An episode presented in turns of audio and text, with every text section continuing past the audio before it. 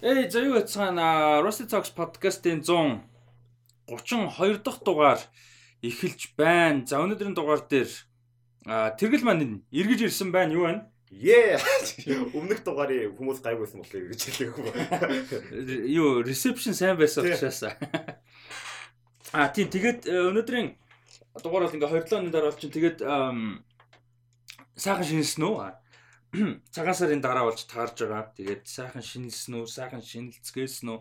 Цагаан сараар онц сан сан сайхан юу вэ? Чи чи нэлээд мөнгө зөнгө хийсэн сурагтаас нэг. Тийм, цагаан сараар ч яваад амир хинтээ яваад хинтээ яваад имэ дээр очицсан болохоор тэгээд муу шигдаад амир мөнгө хийгээд тэгээд подкастт орсон гэдгийг хамаатнуудаа харуулад амар proud child болоо. Тэр дунд ингээд би подкастт орсон 700 дүүний яриг сонсцсон байна тэр гэсэн чинь хүмүүс амар ёо юм мундаг энэ тэр. Тэрэнд нь бас мөнгө зөнгө өгөөд. Аа бас бас тэрүүгээр мөнгө гээд. Дэнснэ сэж би микрофоноос жоохон холдоо. За nice. Um гоё шүү дээ. Юу яачих гэсэн чи нөгөө нэг бусад бүх платформуд дээр вив бүгдийг нэмчих гэсэн. Яа юм мөн дээр чинь Google, Google, Apple, Apple дээр чинь байна шүү дээ. Nice nice. Тэгээд амар том болцоо. Nice. Одоо тэгэл гоё өргөжлүүлээ те.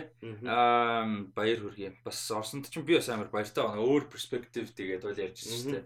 Өөр юм сонирхолтой experience аа харгонцог мэдрэмж юмуд гарч ирж байгаа. Тэгээ бас юу би ярьжсэн тавчхан дараа нь дахиж ярихгүй зүгээр нөгөө өөр дуртай юмнууд тийм тэрнээс амар гоё. За а юуны цаасаар таарсан болгоныг юм үзэж амжаагүй байх гэхдээ саяны 2 7 хугацаанд юм шин юм ямар нэг юм үзэж мүзэж эхлүүлж амжуу.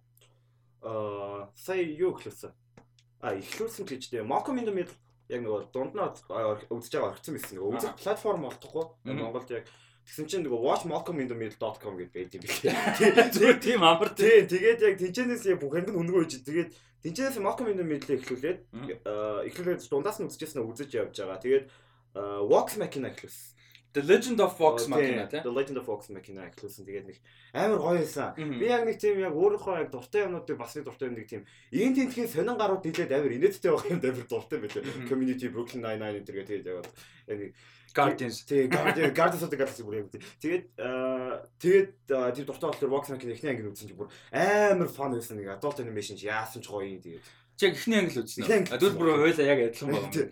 Бүр амар фан байсан. Тэгээд R-rated fantasy нэг тийм disenchantment-ийн R-rated илүү action талдаа хувилбар нь. Ер нь бол бүр супер фан тий. Тэгээд animation дүрслэн үслэн ч гэсэн амар гоё. Тийм. Тэгээ character-ууд нэг сонирхолтой. Нэг тийм ин тентхийн зэгслээ дээр нөгөө чадварууд надварууд нэг тийм давтагддаг нэг сони юм дэсэн. Тийм. Тэгээд тэр нөгөө character interplay-ууд нь тэгээд ач холбогдлууд нь ер нь бас айгүй гоё а хийсэн байлээ. Тэр нөгөө интро интро амар гоё те. Ингээд супер амар мундаг бандыг цуглуулад амар том мангастай үзнэ гэх нэг dwarf, нэг magician ингээ амар нэг юу гэдэг вэ? Generic magical hidden bug нэг шууд баруун зүг авчдаг. Нэг нь Aragorn угаас те. Нэг нь Aragorn-ыг дөөрөцсөн.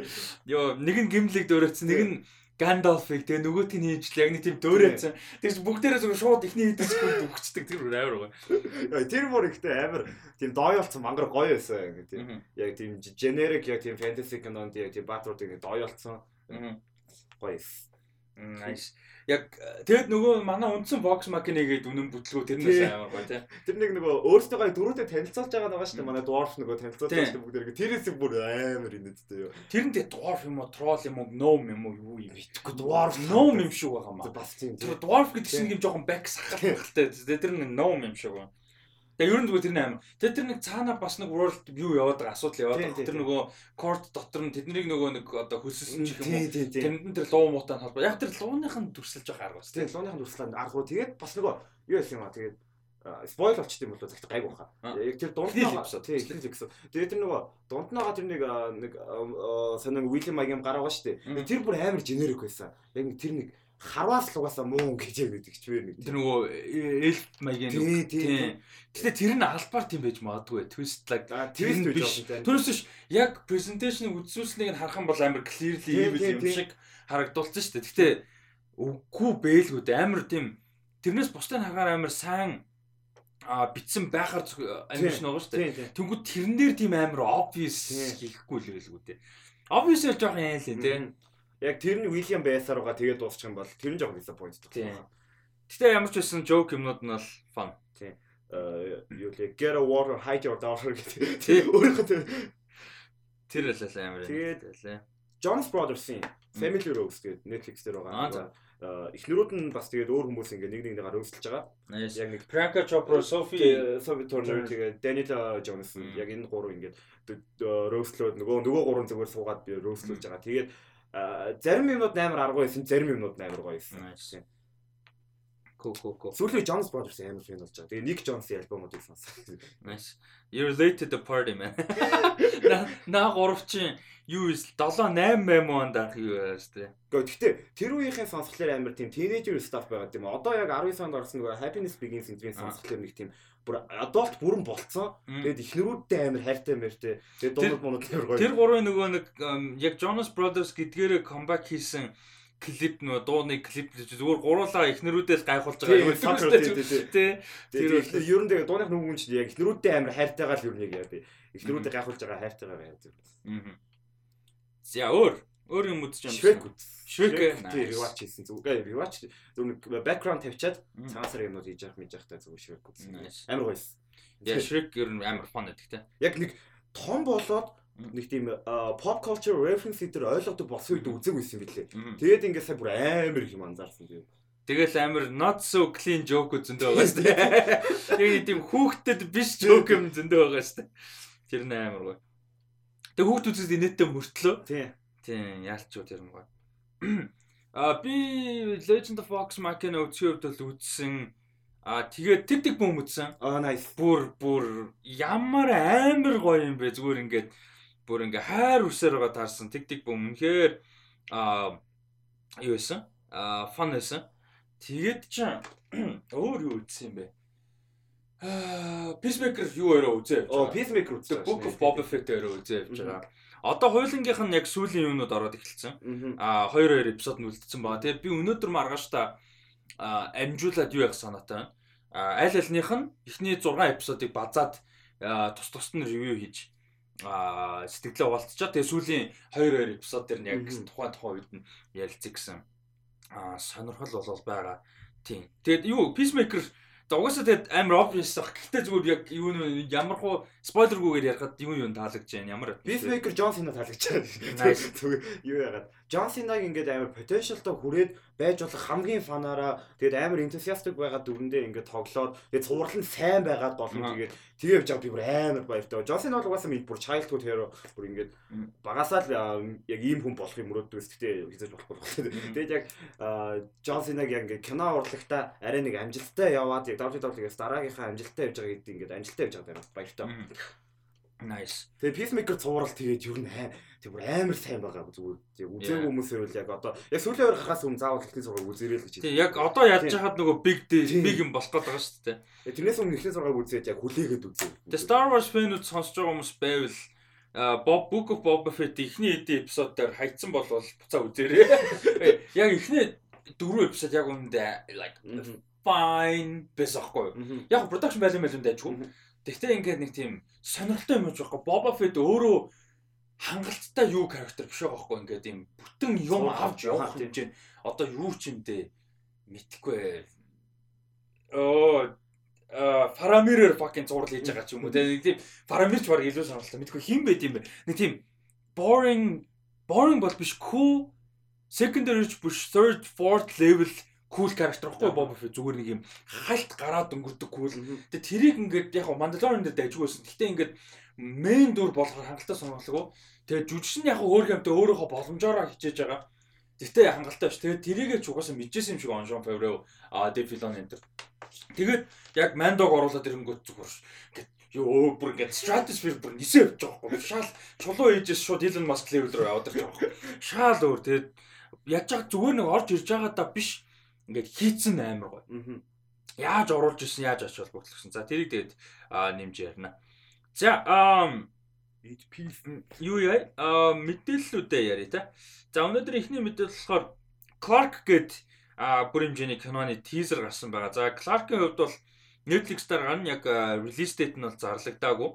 За энэ болохоор Clark Olofsson гээд ерөөхдөө хүний сториогоор хийсэн юм а crime, thriller, fun, comedy, dark comedy, black comedy, whatever ийм сонирхолтой кино. А Clark Olofsson гэж бол Швед юу гимт хэрэгтэн баг хулгайч дээрэмчин банк ухдаг ерөөсөө хийж үзээгүй аюултай юм байхгүй. Тэр нөхөр болохоор амар тийм celebrity дээрэмчин баг. Кул тээвэр. Тэр бүр амар кул тэгээ ингээ суперстар болох амар амбицтай гимт хэрэгээр тэгээ тэгэж чадсан. Тэгээ ямарсанд ингээд баригдчаа шүүх хурал муралд явж байхдаа тэр процессо хүртэл амар медиа френзи болгоцсон. Амар юм финансатыг амар кул хувцалж ийж мэр амар шоу моогонд явж байгаа юм шиг тэгээ бүр ингээд амар big deal болж байсан. Тэгээ ямар санда Оловсныг ингээд Шведийн а юу анхны celebrity gangster gangster гэж ярьдаг. А тэгээ дээрэс нь бас нэг сонирхолтой юм нь болохоор нэлээд хэдэн жилийн бид нар ярьж байсан Berlin syndrome гэдэг айгүй давгүй трейлер кино гарч ирсэн. Тэгээ тэрийг би подкастаар ярьж байсан юм аа. Тэгээд Berlin syndrome-ыг ярьж хахад яг нөгөө Stockholm syndrome гэж бай одоо нэрлэгддэг юм term байдаг. Одоо сэтгэл зүйн. Тэгээ энэ condition болохоор яг нөгөө одоо барьцаалагдсан юм уу? Тийм хүмүүс нөгөө барьцаалж байгаа одоо хэрэг үлдэж байгаа хүмүүстэй дасах тэр хүмүүст одоо юу юм бэ? Сэтгэлдээ болох хайшаа юм дээ. Бүр зарим нөхцөл сэтгэлдээ болох а заримдаа бол ингээд нөгөө нэг тийм дасна гэж юм байдаг. Урт хугацаанд ингээд урт хугацаанд ч юм уу зарим богино хугацаанд ингээд а байгаад ирэхээр тэр хүмүүсээ илүү ойлгох гээд ч юм ойлгож гин гэж боддог ч юм уу тиймэрхүү юм сонин юм сэтгэл зүйн юу байдаг? Нөхцөл байдаг. Тэрийг Stockholm syndrome гэдэг а тэгээд тэр Stockholm syndrome гэдэг одоо синдром бол ойлгомжтой те. Яагаад Stockholm syndrome гэсэн чинь энэ нөхөр Clark Olofsson болон хэдэн хамтарсан нөхдүүд а Stockholm хотын normal за би нэрийг нэр гэлэх гэж олдох байлаа Швед нэг юм банкыг юу яасан дээрэмсэн. А дээрэмж авах процесс дундаа нөгөө цутаж чадаагүй цагтаа нарын ирээд төс ингээд нөгөө surround хийсэн. Тэгээд тэр хоорондоороо тэр нөгөө юунд нь одоо бацаалагдсан байсан банкных нь нэг ажилтан ч нэг менежер лөө нэг ажилтан эмэгтэй мань үнд ингээд амар амар сайн болгож хайшид амар компликейт юм баггүй. Яг тийм болж молоод бөө юм болж молсон. Тэгээд энэчнээс үүссэн ерөнхийдөө нэршлэхгүй Stockholm syndrome гэдэг. Тэгээд нэг ийм аа сонирхолтой түүхийн нэг history хэсгийг болвол юу яаж байгаа юм бэ? Аа кино олгож байгаа юм байна. Clark гэдэг. Кино тэгээ сонирхолтой нь болохоор гол дүрд нь хин тоглож байгаа. Bill Skarsgård. Аа тоглож байгаа. Bill Skarsgård-ыг нөгөө юугаар мэдэх бах те. Хүмүүс it it it дээр нөгөө юу лээ? Нөгөө нэг дүр. Pennywise. Аа тийм Pennywise. Pennywise the Clown тогсноор хүмүүс аа сайн мэдж байгаа. Ха тэгээ сүүлд Eternals дээр тэр нөгөө Deviant нь одоо тогсон ч юм уу дуурсан ч юм. Аа бас тийм байгаа. Тэгээд найруулагч нь болохоор юу юм бэлээ кино гэхээс яг хэдэн хэдэн кино найруулжсэн. Гэхдээ аа мьюзик видео клипний найруулагч. Ер нь 90-ад оноос хойш бүр ингээд барыг 80-ад оноос хойш юу яаж байгаа аа ажиллаж байгаа, тэгтээ ажиллаж байгаа юм найруулагч. Тэгээд агүй олон шагнал магал юм авч ирсэн. Тэгээ хиний Мадонагийн амар алдартай Real Flight гэдэг дууны тухайд амар big deal болж ирсэн клип баггүй? Амар хийц мэдсэн содон аа ч гэсэн. Тэгээ тэрийг юу яаж байгаа юм бэ лээ? А найруулс хүн найруулж байгаа юм байлээ. А тэгээ Бьюскарсгардыг бас ингээд нөгөө би даасан яг одоо гол дүрч гэх юм уу те а болсон прожектуудад харахад бас урамтай гоё байна. Skarsgård-ийн ах トゥ унаас ах トゥ ах トゥ гэр бүлээс чиний favorite нь юм байна. Би л үү тийм дааш гэж. Би л үү. Би л үү. Nice. Энд гэхдээ бүр амар family тий. Аав нь god. Тэгээ дөрөв хүүгийнх нь гурван амар мундаг жүжигчин. Хамгийн баг нь бас жүжигчин юм байлээ шүү дээ. Тий, тий, тий, тий. Хин гэлээ хамгийн баг нь Walter гэсэн. Walter үлээ. Walter. Тий, тэр чинь бол одоо дөнгөж 22 3-тай. Тэгээ Шведтэй кинонуудад тоглоо явж байгаа юм байлээ шүү дээ. Аа, яг насныхын дараалыг мартчих. Гэхдээ би буруу санааг бол Александр Густав Бил тэгээд хамгийн бага. Аха, тийм ба. Тэгээд Густав ч нь болохоор хамгийн од биш. Гэхдээ мань хүн чинь Westworld тогсон. Season 2 дээр хоёр дээр хаа. Тэгээ хоёр дээр э, бас амар кул жүжигчин байлаа. Яг зүгээр тэнчнээс нь харахад амар зөвүүн. Тэгээ Александр угаасаа хамгийн царайлаг марайлаг тэгээ муу хоод тэгээ одоо нөгөө Роберт Эггерс энэ Northman тоглож байгаа. Тэгээ би л хамгийн юник нь хам тий амар сон юник царайтай тий дахиж давтаг тарах нь гэдэг. Амар weird царайтай муу хоод тоглож нэг тийм жүжигчин байх бүр таарсан амар хуурдаг зөвүүн царайтай. Аа тийм байгаа. Тэгээ Skars тэгээ Stellan угаасаа бүр god нөр аа бол зүгээр god шүү дээ. Чернобыль үзсэн үү? Үзсэн. Үзсэн үзсэн. Үзсэн. Чернобыль бүр амар. Би нэг тийм амар жоохон дээр үчиж яг гарч яхад үзсэн болохоор яг одоо жоо мартагчих гад тийм тийм яг гарч ясна үзсэн бол мартагдах нь аргагүй болчих. Одоо ингээ 3 жил болж шүү дээ. Би яг Австралид байхдаа юу яж ирсэн. Нөгөө метронд зүгээр үзчихсэн гэж тэгээд жоо мартагчих гад. Тийм. Яг нэг дахиж юу н үзэх цаг нь болж байгаа юм байна. Би ч гэсэн тухайн үед анх үзсэн. Тэгээд одоо бас нэг ер нь нэг нахиж үзэх байна. Сидней Shell Harbour хоёрын оронд жоо удаа явдаг. Тэгээ тэр оронд баг дуусах. Аа, nice, nice. Nice. Cool. Би тэр яманд одоо богоо могоо жаа би богоонд юм үзэж үзээг үлдээ зүгээр онгоц монгос юм үзэж чадахгүй байлаа.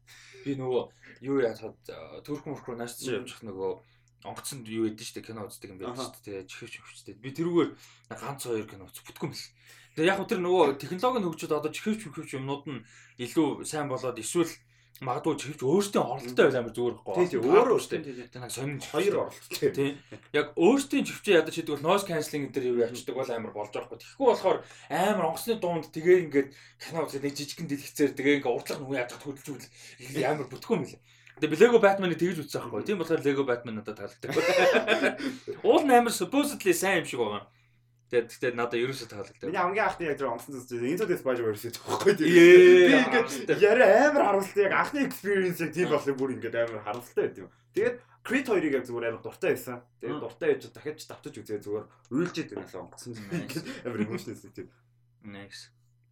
Аа за дараагийнх нь за Clark бол амар гоё ярьж тэгээд teaser а тэгээд юу бол release date одоохондоо байхгүй. Тэгээд Норвег production юм байлээ. Тэгээд Норвег шүдэ хамтарсан production. Тэгээд Biscar Scar тэгээд яг Шведэрээ тэгээд Netflix ингэж produce хийж байгаа нэг тийм кинод байгаа гэхээр амар гоё байгаа маа. Яг Америк production биш үү? Тэгээ юу бас нэг сонирхолтой тийм одоо ингээд Stellan Skarsgård за энэ хэд бол яг хаа арай нэг тийм баруун дондогонд болоод яачлаа штэ. Тэнгүүд Stellan Skarsgård энтрийг залуудаа хийжсэн сайн швед мэд кинонууд юу байдаг бол нэг од болоогүй Америк Америкт ерөөсөй байхгүй зүгээр яг швед жижиг кинонууд энэ олж болдог бол олж үзсэн гэж бод. Стелен бол гайхалтай мундаг гентэй хүн байгаа маа. Амар гэр бүлээ мундаг жүжигч. Аа сая тэр дүүн дээр ямар зөв юм бэ? Амар гоо Владимир Харкон. Харкон тий Харкон тий амар байсан.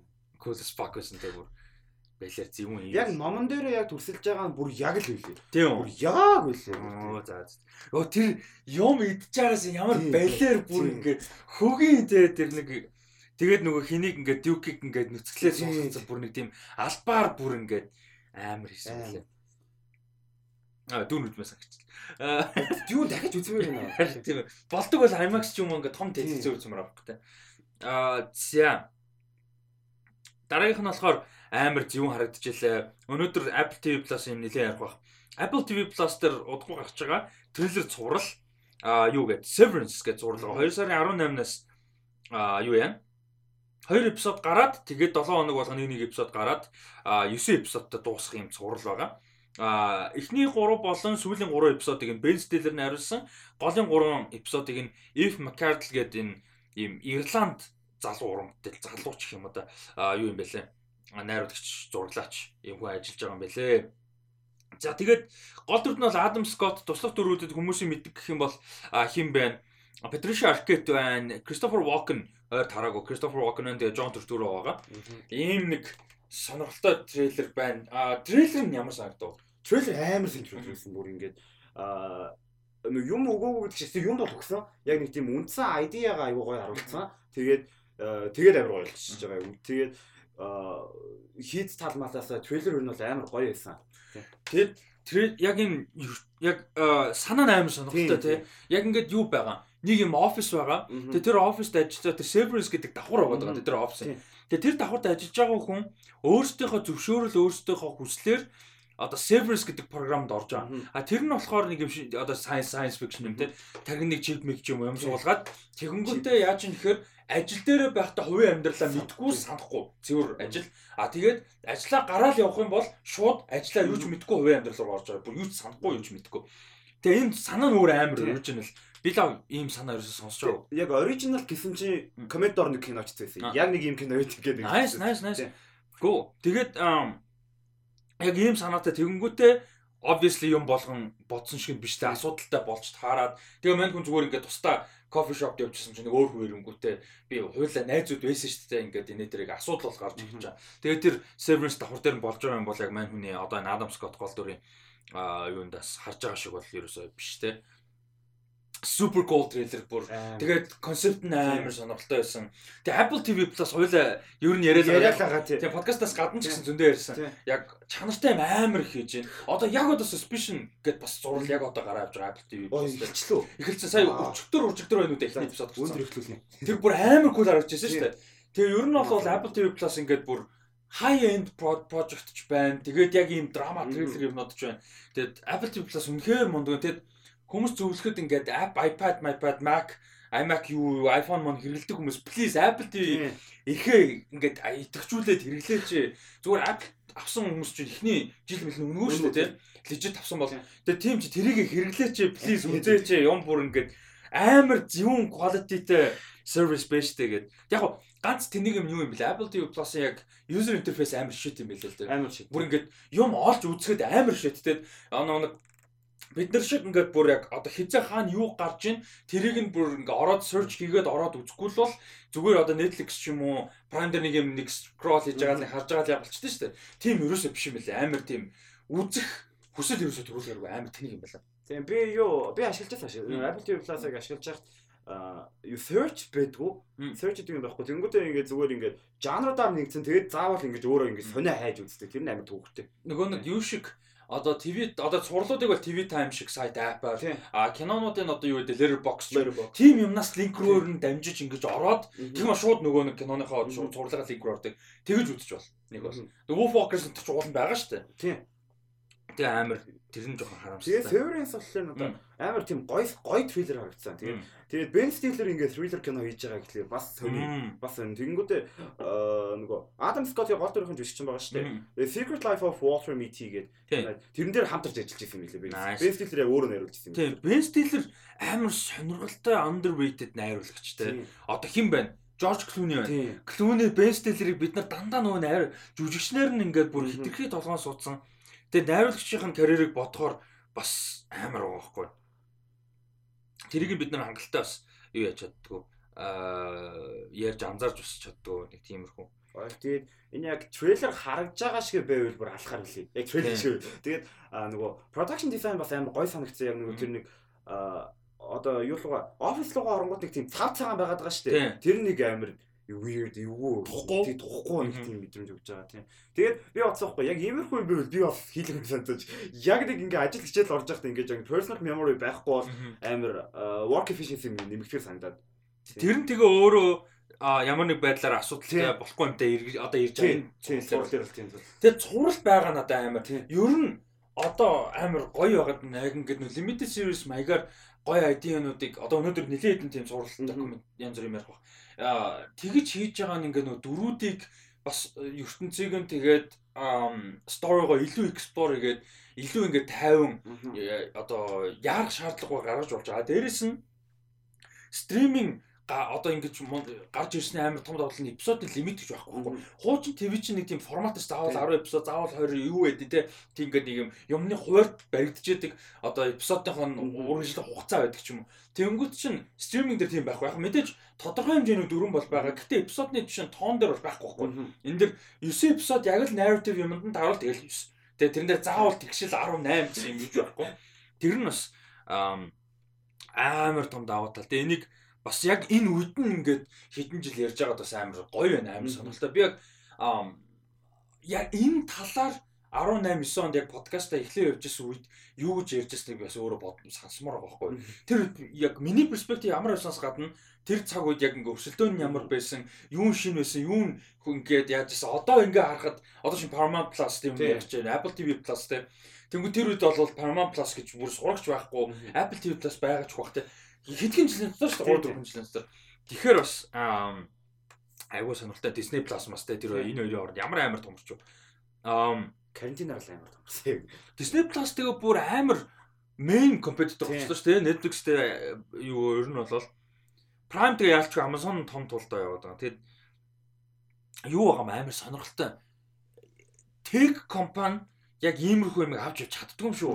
Apple яг яах ёстойгоо мэдэхгүй шүү. Тэгээ нэг тийм Apple TV Plus-ыг мэдээж хариуцсан хүмүүс байгаа. Гэхдээ тэд нар дээр нэг тийм creative producer хүн авах хэрэгтэй юм шиг байна. Яг хариуцж ажиллаж байгаа хүмүүс. Юм бол яаж маркет хийх үү? Ингээд уул нь хийж байгаа продакшнууд нь амар мундаг хүмүүсийг аваад мундаг продакшнууд хийгээд байдаг. Яг хүмүүст хүрэх чадвар нэг тийм яаж чадахгүй шүү. Prime гэсэн тэр тал дээр жоохон сул. Prime нөгөө юу яагаад нэг Prime Apple TV Plus-аар нэг mainstream ердөөсөө болж чадахгүй байгаа юм аа яг. Apple TV Plus-ын трейлер мэлэрдэгтэй гоё. Аа юу болохоор бүр трейлер амар муутай. Prime бүр трейлер юу амар муу. Би трейлер нь сайн байсан юм баг нэг цаггүй. Яг би нөө project-ын дуртай болохоор ч юм уу сонирч байгаа учраас үзээ явдаг. Түүнээс биш Prime-ийн юм бүгд трейлер амар муу. Амар өдөртэй. Ингээд одоо чинь за A24 бол угаасаа амар том leading example та. Гэхдээ A24 мөрөвч ингээд юуны тухай ямар кинон хамаагүй трейлерээр шууд анхаарал татчихсан шүү дээ юу ч байсан гэсэн. Тэгээ тэрэн шиг ингээд одоо жишээ нь Apple TV Plus болоо саяны Severance дээр бүр ингээд трейлер нь бүр амар балер зөвүүн уур амьсгалтай нэг тийм psychological horror юм шиг. Яг тийм байлгаж чаддаг. Тэгэхэд Prime нэг юм амар уйтгартай. Одоо чинь юм уу бол ингээд One Night in Miami ч юм уу те. Эсвэл саяны Riz Ahmed тоглосон Encounter энэ амар зөвүүн прожектууд байгаа байхгүй. Одоо Legend of Vox Machina амар трейлерүүд бүр ингээ яагаад ч үзэх хүсэл төрхөөр. Тэгээ үзэнгүүд дайжгүй. Тэгээ expansion трейлер мэлэр харуулж шээ. Season 6-гийн трейлер мэлэр, season 5 мамын трейлер бүр яг постэр дайжгүйсэн. Гэтэ трейлерүүд нь бол яагаад ч хүсэл төрхөөр. Voice-ийн трейлер яг ямар байсан бол тухай тий гарч байгаа. Биш та мэдгүй сая одоо трейлер харна харин үзье. Те season 3 трейлер ямар авах нь? Тухайд нүцээг болохоор мэдгүй нөгөө хайптан дагсаар болчихсон voice-ийн season 1-ийн трейлер үзчихсэн. Амар фон байсан санаж байна. Гэтэ яг нөгөө трейлерын хийцгэхээс илүү нөгөө idea ертөнцийн holy shit байдаас юм байна гэж. Яг тухайд нь ярьжсэн байхгүй подкаст дээр чинь би яг voice 1 season 1 ярьжсэн. Бараг voice-ыг хийн гэхт нь ярьжсэн да бараг. Ер нь бол А за Severance-ийн хувьд бол юм байна. Энийг бол must watch гэж хараад байгаа. Ялангуяа ихний эпизод тийм. За үзсэн. Аа гэж харж байгаа. Оскарс өмнө яаж яхад яасан ч их юм ба. Яа, Оскараас өмнө хараа хэцүү нэ. Одоо Оскар гялцуулахгүй болсон. Харин тийм Оскар гялцуулахгүй. Тэгээ одоо өнөөдөр хоёлаа Оскар талаар бас нэмж ярина. Аа За дараагийн нь болохоор Downfall the Case Against Boeing гэдэг нэртэй аа юу байгаа. Баримтат кино юм уу цуврал юм шээ. Тэрийг би харж амжсан. Тийм. Ямар ч гэсэн баримтат уран бүтээл байгаа. 2 сарын 18 дээр 8-нд Netflix дээр орох юм байна. За энэ болохоор тэгээд юу яасан? 18 оны намар тэгээ 19 оны хавар дундаа ерөөсө 5 6 сарын зайтай Boeing-ийн 737 Max гэдэг онгоц хоёр онгоц яг адилхан асуудлаас болж сүрсэн. Аа тэгээд айл альнаас нь болж маш олон хүний амь ирссэн. Аа амь эрсдэх бишээ юу гэдэг вүлээ амин төрсэн ийм асар том хоёр аюу болсон. Аваар бол болсон. А нэг нь болохоор энэ Индонезийн нислэг нөгөөх нь Этиопийн нислэг байсан. Хоёулаа адилхан онгоц. Тэгээ энэ нь програмд асуудалтай болж таараа дээрэс нь Air биш Max 737 тийм. Энэ онгоц нь болохоор юу юм бэ лээ? 737 Max. Энэ болохоор орчин цагийн хамгийн популяр онгоц юм байна л да нөгөө хитрхи том биш, хитрхи жижигхэн биш Тэг хямдхан одоо энэ салбартаа хямдхандаа ордог. Тэгээ нисгчд хүмүүс ингээд сурахад илүү амархан. А тийм учраас нөгөө дээрэс нь нөгөө одоо ядууч гэх юм бол third world болон хөгжиж байгаа улсууд айгүй их онгоцыг авдаг. А ийм онгоц нэлээд хит байсан юм л да. Одоо бизнес талаас бол Boeing-ийн хувьд. Тэгээ энэ хоёр том амар том сүрэл болоод энээс болоод бүр ингээд дэлхийд даяараа байсан бүх 730 максыг бүр зогсоогоод тэгээ бүх програмнуудын захин шалгал бүр ингээд амар юм болсон бүр deal. Тэгээ энтэй холбоотой а дээрэс нь а нөгөө нэг хохирогчдын өнцгөөс бас айгүй олон тэгэл харуулсан тий айгүй олон хэдэн 100 хүн энэ хоёр аваараас болж насварсан тэгээд а нисгчдийн өнцөг за тэгээд хохирогчд тий хохирогчийн хамаатаас одоо амьд үлдсэн хүмүүсийнх нь а бас өнцөг энэ төргээд яг юм нэлээд хүн сэдвийг хөсгөнсөн юм а юу бол яаж байгаа юм? А баримтат юу бол докюментари ер нь бол хийгдэж байгаа юм. Энийний трейлер нь ч юм уу эсвэл сэдвүүн нь ер нь чамд ямар санагдав юу? Трейлер үнэхээр гоё харагдсан. Тэгээд нөгөө яг иймэрхүү кейсүүдийн хохирогчлын талаас сонсох амар сонирхолтой байдаг. Яг юу даваад болсон болсон яг experience-ийг сонсох амар сонирхолтой байдаг. Тэгээд Netflix ингээд докюментариг ингээд шал өөр болгоод илүү сайн бүр яг кино шиг амар сонирхолтой болгоод хүмүүс үз. Тэгээд яг эднэрийн ачаар ингээд мэдгүй юм амар их мэдэж авч байгаа. Би одоо энийг яагаад мэдээгүй амар дэлхийн том би юудаас мэдээгүй байсан. Тэгээд одоо ийм амар юм мэдэж авч байгаа байхгүй. Тэгээд Netflix-ийн ингээд докюментари ингээд мэдлэг түгээнгээ бас ингээд юу яагаад айгуу сайн хийгээд байгаа амар гоё байгаа. Тийм. Тэгээд энэ энэ амар tragic харагдаж байсан. Тэгээд үзэх байхаа айгуу хүндлээсэн да. Тийм Тийм хүн тэгээд нөгөө сүүлийн хэдэн жил болсон айгуу тийм нөгөө дэлхийн хэмжээнд яригдсан том асуудалтай tragedy юмнууд юм бол нэг байсан. Тэгээ 2 сарын 18-нд Netflix дээр орох юм биш. Тэгээ Монголын Netflix дээр асуудалгүй орчих байлгүй тий. Тэгээ одоо VPN гэж юм багт асуудалгүй. Аа За дараагийнх нь болохоор бас Netflix-ийн documentary. Аа ерөнхийдөө Netflix-ийн одоо баримтат цуврал кинонуудын ач холбогдол гэдэг талаар яриагаа шүү үргэлжлүүлээ ярьчих. Аа ер нь Netflix-ийн одоо энэ crime documentary, real crime documentary ч юм уу ер нь баримтат кино цувралуудаа гоё одоо маркет хийдэг. Тэгээд narrative эвлүүлэг өрнөлөө бүр ингээ кино шиг те бүр ингээ хэдийгээр амьдралаар босон юм байсан ч гэсэн тэр перспектив яаж гаргаж байгаа өрнөлийг нь яаж хийж байгаа твисттэй ч юм уу оргил хэсэгтэй клаймакстай төгсгөл яаж бодож байгаа тэрийг бол ингээ энгийн киноноос дутахгүйгээр ингээ тийм entertainment болгоцсон. Тэрнээс биш өмнө нь бол crime documentary гэж хизээд байсан тэгээ телевизийн телевиз гэдэг юм гарч ирснээр шүүл байсан. А гэхдээ Netflix-ийг ингэж хийж ирсэн шиг хэмжээнд бол байгаагүй те чанартай байгаагүй энэ шиг entertainment одоо энэ чинь бүр тусдаа жанр болчиход байна шүү дээ. Аа тийм хэмжээнд бол байгаа. За тэрний нөгөө нэг нь бол одоо 3 сарын 1-нд Netflix дээр орж байгаа а 5 эпизодтой Worst Roommate Ever гэдэг юм бас баримтад одоо цуврал гарч байгаа маань. Энэ дээр болохоор дөрвөн өөр одоо үйл явдлын тухай холбоот одоо агуулгын хувьд холбоотой дөрвөн өөр үйл явдлын тухай гарна. Энэ дээр болохоор одоо roommate гэхээр бидний ярьдгаар бол одоо байр хамтрах зүрээслэх гэдэг ч юм уу тийм утгаар. Тэгээ яг roommate гэхээр а иймэрхүү хүмүүсийн тухай тэ нөгөө нэг болохгүй бүтггүй асуудалтай хүмүүс нөгөө байр хамт түрээсэлжсэн хүмүүстэй одоо мэдгүй алга хийсэн ч байд юм уу юм юм хулгайсан янз бүр болсон юм гэм тэргүүдийн тухай. Энийний трейлер ямар санагдав? Сэдвэн сонирхолтой байж чадж байна уу? Сонирхолтой. Тэгээд иймэрхүү crime юмнууд амар гоё юм аа. Netflix-ийн хийж байгаа. Тэгээд амар сонирхолтой санагдсан. Бүр ингээ харахад сүүлийн тэр ингээд гол нь ингээд болж байгаа кейсүүдийнх нь ингээд тэр нөгөө хийсэн хүмүүс нь амар сонирхолтой хүмүүс байсан бохгүй ингээд тэгэхээр зүгээр нэг имээ хийж байгаа. Тэгээд яг тэр бүр ингээд амар юм 50 дуу багтай имээ гэдэг бүр 70 80 настай. Тэгээ нэг нь болохоор бас нэг юм амар клин амар одоо юм атайхан харьцаатай залуу малууч биш тий яг тиймэрхүү юмнуудаас нь болоод тийм нэг юник амир хэрэгүүд байгаа байхгүй. Тэгэхээр тэрнээс нь болоод үзэх байхаа. Тэгээ би яг Netflix-ийн Don't Fuck With Cats гэдэг тэрийг үзчихсэн нэг тийм нэг магнито гэдэг хэлбэл магнит.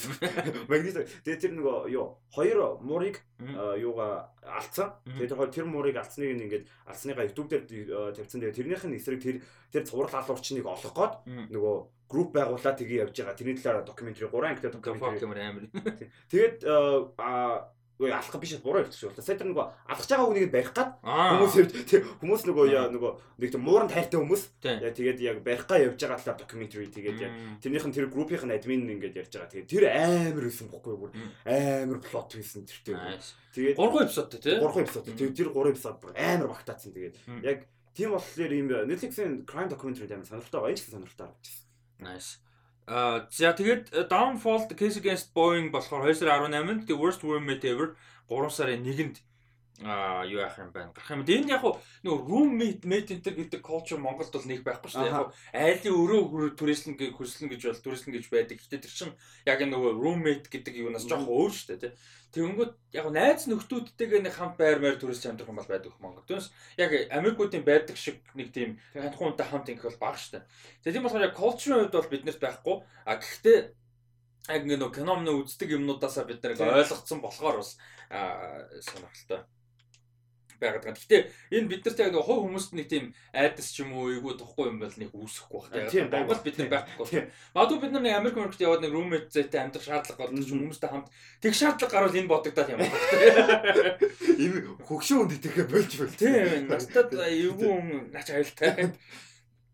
Ясч тэгчээс сайн нөгөө нэг нэг нь ингээд төрөөссөн хүн энэ нэг амьд үлдсэн ч юм уу хогсон ч юм ярьслан дээр нь ингээд тэр нэг амар дуу муу багтаа хайтайхан залуус тэгсэн чинь манай ээж надад хэлдэг дуу багтаа хүмүүсээс болгоомжилж байгаарэ гэж хэлсэн байсан.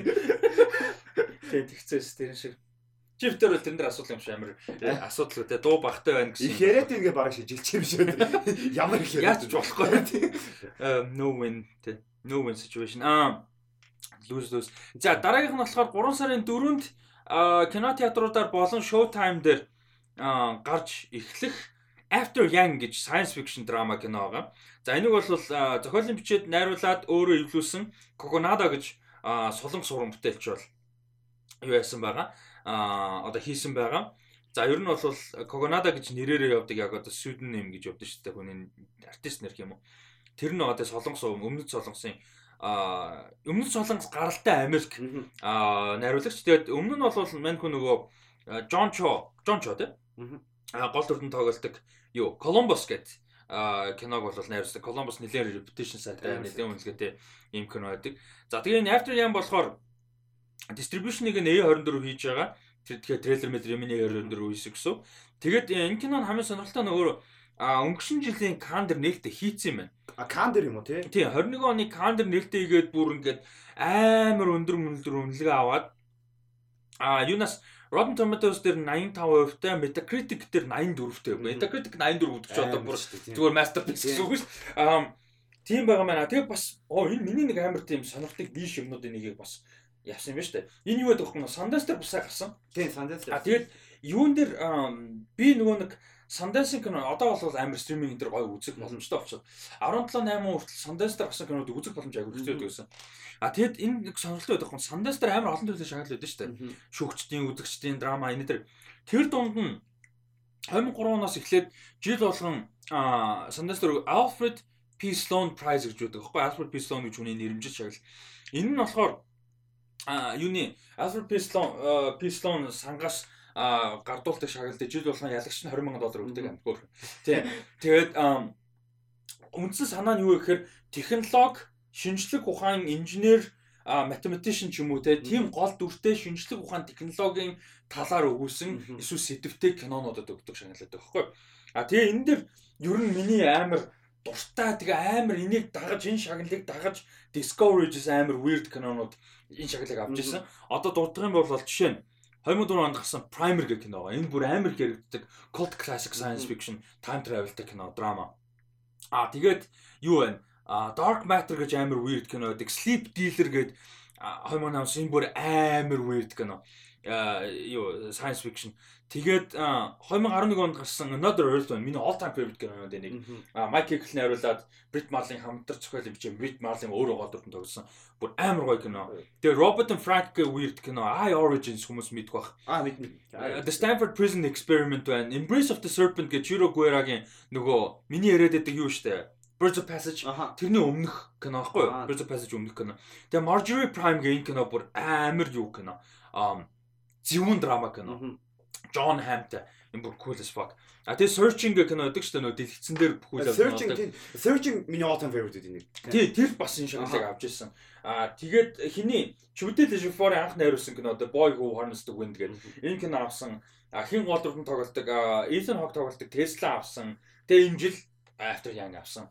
Тэгээ нэг сонирхоод үзэрэй гэж хүмүүст зөвлөмөр байна. Яг энэ Alfred P. Sloan шагналыг хүртсэн кинонууд ер нь дандаа айгуу сонин содон сэдв хүндсэн технологи, шинжлэх ухаан, инженерийн юунуудтай дөрүүдтэй одоо мэржлийн дөрүүдтэй юм сонирхолтой юмнууд байдаг. Аа кинонод байдсан шүү. Тэгээ тэр шагналыг бол After Young авсан юм байна. Тэгээ трейлерээ яри. Sorry, ерөөсө трейлер бол орсонгүй. Трейлер нь ямар санагдав? Энэ кино ер нь Ямар санагд? Трейлер амар гоё санагдсан нэг тийм 50 өрнөлттэй амар 50. Тэгээд аа ер нь бол яг нэг тийм Ghost in the Shell маягийн яг нэг хүн байх нь юу юм гэдэг талаар яг нэг тийм philosophical юмтай хүн санагд. Тэгээд трейлер донд гарч байгаа нэг visual-ууд байсан шүү дээ. Шарангтай яг нэг тэр нэр бүр ингээд бүр амар гоё. Театр төс байсан. Тийм бүр яг тэрийг том дэлгэцээр харах юм бол бүр амар гоё. Тэгээд гол дүрд нь бол Colin Farrell тоглосон Jodie Turner Smith А энэ нөгөө Queen Slim гэх киноноор ерөөхдөө сайн нэлээд од болсон. Аа Sorry. Энэ хоёр тоглож одоо туслах дүрд нь Haley лөө Richardson уу Age of 17 тоглож. Columbus дээр болсон. Тий а тийм биш те. Coco. Тийм ээ. Nice. Split дээр тоглолт юм биш үү? Тэгээ юу Баясаа ахын Columbus all time favorite кино нөхгүй юу? Аа cool. Тэгээд а энэний гол premise нь юу гэхээр ингээ science fiction кино. Тэгээ энэ ертөнцид нь болохоор технологи хөгжсөн. Тэгээ ингээд хүмүүс нөгөө нэг хүүхд тасрагч гэж байдаг шүү дээ. Хүүхд тасрагч роботууд хөсөлдөг болсон. Яг хүн шиг А тэр нь янз бүрийн нас гендер юу байдیں۔ ингээд янз бүрийн хувилбарууд байдаг. Тэгээ хүүхдүүдээ ерөөдөө ингээд өсгүүлдэг. А энэ хоёр болохоор Jodie Turner Smith, Colin Farrell хоёрын хосууд болохоор юм жоохон охинтой. Тэгээд охиноо ингэж одоо хамт байх гэж өсгөх гэж юм роботол хөсөлсөн. Тэр нь яа ингээд тийм одоо аад царай төстэй өсвөр насны ч гэх юм одоо эсвэл дөнгөж дөнгөж орж байгаа юм. Ийм одоо төстэй юм робот байгаа. Тэр нь ажиллагаа болчихж байгаа. А тэгээд энийгээ яаж засах яах вэ гэдэг л ерөөсөө болж байгаа л үйл явдлыг харуулж байгаа юм. Шинжлэх ухааны зөвнөлт а драм кино. Тэгээ ийм юм харах болгонд яг иймэрхүү project одоо нөгөө миний түрүүний яриад байдаг. Ер нь энэ Alfred P. Sloan Prize авсан кино зэ. Ийм төрлийн кинонуудыг харах болгонд яагаад Монголд ийм кино хийж болдог юм бэ? Бүр ингээд why not гэж боддог бүр амар сонио. Э одоо ингээ After Young-ийн харахаар ингээ зүгээр агуулгандаа байгаа болох ямар ч бажет мажет нэг тийм сүртэй юм харагдахгүй Монгол байж болохоор байгаа. Тийм. Зүгээр санааны л асуудал байхгүй. Санаад гээд мэдрэмж төрслийн л асуудал. Сайн сүлд гэхдээ би нэг сонирхолтой юу олсон? Facebook сууг. Ship bot ч лээ. Ship юу ч лээ. Мэдгүй. Ship bot discord юм бот а тийм үү. Тийм. Юу лээ? За за би марччихсан би дараа нь хуваалцсан нэг тийм Гоо хүмүүс амар ширмэр хийдэг юм байл л дээ. Бүр амар хэдэн зуун мянган view мөвтэй. Монгол нэг юм channel зөв. Гэсэн ингээд Монгол залуучуудыг хийж байгаа short юмнууд. Ингээд 1 минут, 2 минут, 3 минут тийм Facebook дээр оруулсан. Амар weird, амар fun маань янз бүр нэг тийм амар бас яг хөө зарим нэг нэг сүтэ таалагдаад гэхдээ ер нь бол амар гой санагцсан. Тэгэхээр за би чамаг нэг дараа нь юм ярьж хооронд өсөж шигээд хараад. Тэр бол амар сонирхолтой л. Тэгэхээр бас нэг хоосон бол биш байгаа даахгүй. Залуучууд бас уулын сонирхолтой юм хийж байгаа залуучууд бол байхад бол байгаад байгаа. Тэгээ тэрийгээ бас гол нь нөгөө юу яах нь амар чухал нь тий. Нөгөө олох нь тий. Тийм олох нь амар чухал. Сая юу Ubifar нэг зураг хараадсэн шүү дээ. Тэр чинь бас нэг тийм жижигхэн sci-fi юм шиг л шүү. Тийм. Тийм. Ямар юу байсан бэ? Z O E гэсэн. Аа тий тий антологи нөө Black Mirror шиг гэсэн. Тийм байсан тийм байсан. Тэрийг харахын хувьд бол харсан шүү. За энэ аа олчих шиг боллоо. Гэхдээ амар тэнэг нь шүү дээ. Нэг линк миг гэж байх. Зүгээр л watch the video гэдэг нь гарч ирээд байна. Би орж болтгоо. Shit. За за whatever дараа нь би олох юм бол юун дээр тавьчих. Аа Pop Culture Club group дээр тавьчих. Аа shipтэй something гэсэн. Бараг зарим нь сонсоод мэдчих واخ. За After Young бол амар гоо харагдаж чинь тэгээд Showtime дээр шууд орч болохоор бид нар театраар үзэж чадахгүй ч гэсэн шууд торрент гарч чана л гэсэн. Торрент гарч чана. Хуучин ингээд кино театр гараад 90 хоног хүлээгээд Тэгээ 90 хоногийн дараа Blu-ray гардаг. Тэгээ Blu-ray гарахаас 7-оос 2-7 хоногийн өмнө торрент гардаг. Тэгээ яг нэг team цаг циклтэй амьдэрдэг байсан. Шинэ кино гараад оо күү гээл те. За тэдэн сар үед үзэх юм байна. Тэгээ торрент одоо болохоор зүгээр ингээд шууд instant те ингээд гараал гараал гараал гараал. Тэвнгүүд бас амар тийм жаргалд авахгүй зовлон байхгүй ингээд нөхөж үзэж чадахгүй ингээ бүх юм гараад байдаг гараад байдаг. Тэгэхээр үзэж чадах байлч. Тийм. Бас хуучин цагаа санах шиг заримдаа. Би амар гоё үед өсөд байгаа юм ааш. Тий яач гоё. Шууд байгаад. Билээ accessтэй яач гоё л та. Хуучин бол тийм жижиг кино, жижиг продакшны кино бүр гарахгүй шүү. Дэвдэв дөрөв бүр гарахгүй заяа бүр үнэн шит бүр. За дараагийнх нь болохоор дахиад Apple TV Plus руу орно. Аа за саяны After Young 3 сарын 4-нд. За дараагийн 3 сарын 11-нд Apple TV Plus дээр нэрээ саяхтай мартсан байна. Sundance дээр яасан үдсэн хүн болгоно нь бүр ингээд Stole the Show гэсэн бүр ингээд. Бүр хүн болгоных нь favorite кино байсан гэдэг. Nice, nice, nice. Sundance дээр бас алсан юм шиг байгаа юм. Nice, үзэндээ. Аа тэгээд Last Days of Ptolemy Gray гэж амар сонирхолтой мини series аюун дээр гарч байгаа юм байна. Apple TV Plus дээр гарч байгаа юм байна. За энэ болохоор Ptolemy Gray гэдэг энэ 90 90 гаруй настай ингээ нөгөө нэг dementia гэж байдаг шүү дээ. Ингээ нөгөө ой санаж нь мартагдаад эхэлдэг ийм өвчтөе өндөр настай одоо 90 гарцсан нэг юм хүнээ тухай. А тэгээ мань хүн болохоор нэг юм science fiction жижигхэн элемент байгаа. Ганцхан жижигхэн science fiction элемент. Тэр нь болохоор мань хүн нэг юм юунд ороод одоо хаалгаач юм уу юу чинь нэг юмд ороод өөрийнхөө мартцсан бүх меморигаас эргэж байгаа. Гэхдээ тэр нь хугацаатай тий. Буцаад бүгдийг мартан дээрээс нас нь явж байгаа учраас удаан амьдрахгүй. А тэгтээ гол ID нь юу гэхээр маньхүү ингээд бүх юмаа мартцсан. Тэгээ нэг юм нэг one lasting байгаад байгаа. Тэгээ хийх ингээд миний юм хийх хэвээр надад нэг хийх юм дутуу байгаа. Тэгээ яг юу юунаас нь унших юм бол танилцуулганаас нь унших юм бол ингээд нөө дүүнер нь өгцөн юм шиг байгаа. Nephew гэдэг чи одоо ах トゥ угийнх нь хүүхдүүд гэсэн үг шүү дээ. А өгцөн юм уу, алуулсан юм уу, өчиг бүтүүлэг болцсон. Тэгээ тэрийг тэрийгээч мэдгүй, тэрийгээч мартцсан гэдээ байгаад байгаа. Тэгэнгүүтээ тэр нэг юунд ороод, мистас ч юм уу юмд ороод бүгдийн санангуудаа ингээд царай төснөөс сэргэж байгаа нь амар кул те. Нэг тийм тэгэнгүүтээ шууд ингээд тэр нөгөө one lasting гэдгээ яаж байгаа тухайн юм амар сонирхолтой project.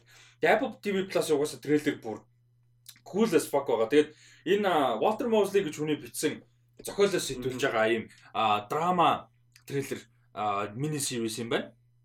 Тэгээ 3 сарын 11-нд Apple TV Plus дээр бол а гарч ирсэн гол дүрд нь хамгийн гол нь Samuel L. Jackson хамгийн гоё энэ. Хизэнээс гарна гэлээ. 3 сарын 12. Биш 11. Оскар хэзээ болох вэ? 3 сарын 27. Аа арай аваг. Яг арай гардаж аваг байх юм байна. А тийм Оскараар Samuel L. Jackson ч нөгөө ямарыг нь үлээ нэр нэг тийм карьер achievement маягийн Оскар авч байгаа. Тэгээ тэр дээр трейлер дээр гарсан байсан нөгөө Оскар авч байгаа гэдэг. Оо зөө.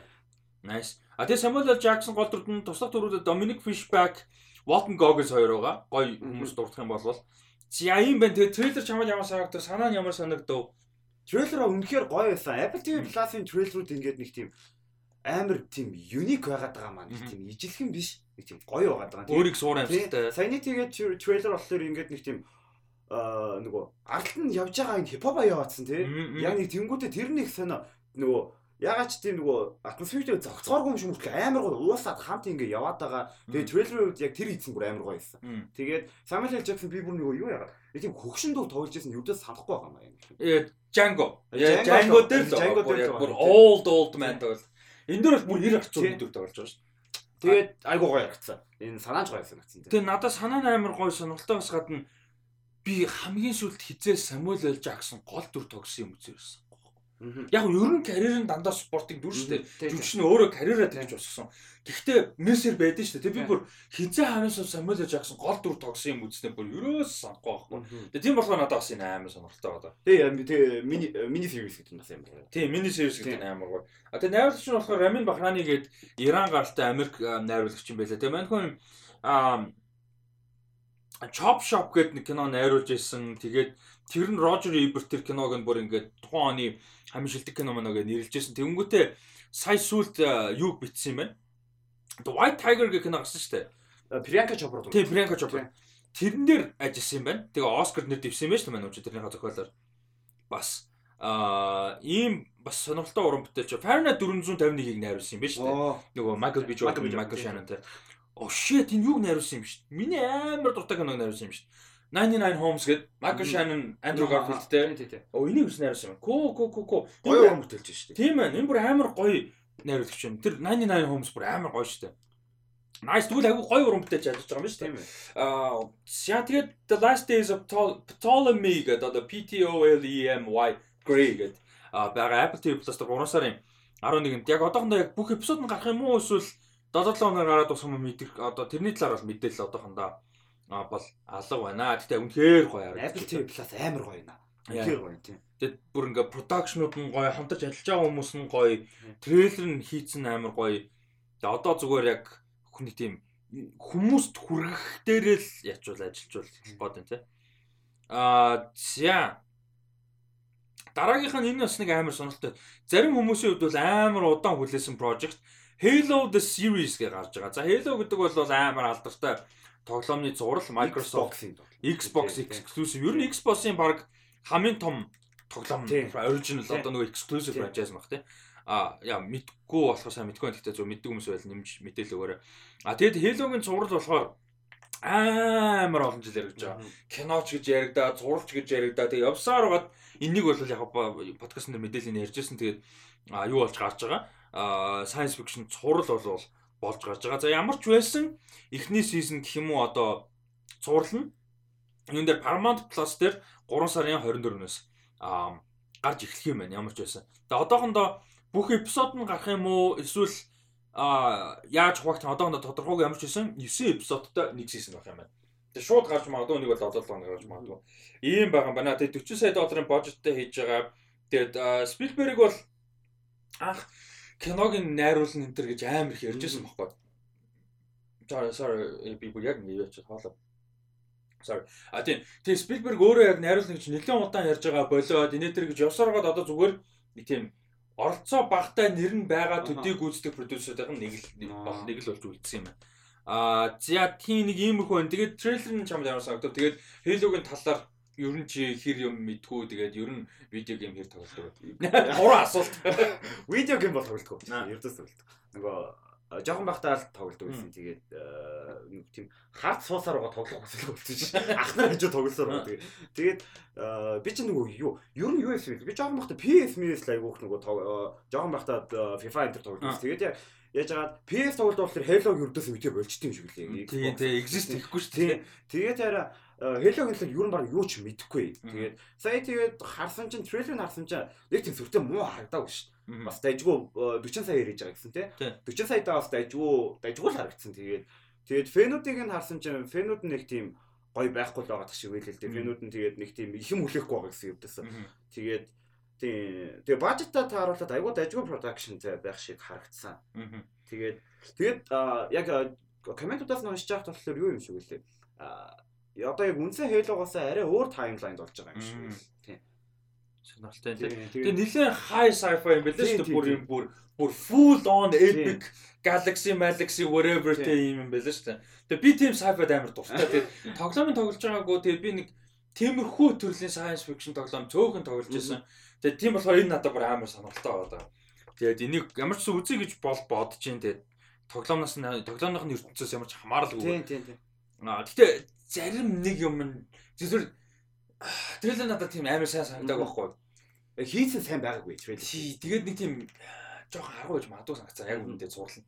Нэг тийм нөгөө дөрүүдтэй ач холбогдлоо сайн өгөхгүй, уралдаа сайн босгож чадахгүй, зүгээр л ингээл нөгөө фан сервис юм амар их тэнгүүтэй ингээд зүгээр амар сүртэй сүртэй явах гээд хичээсэн байж магадгүй гэж агцсан. Гэтэ тийм бишэж бол болно шүү дээ.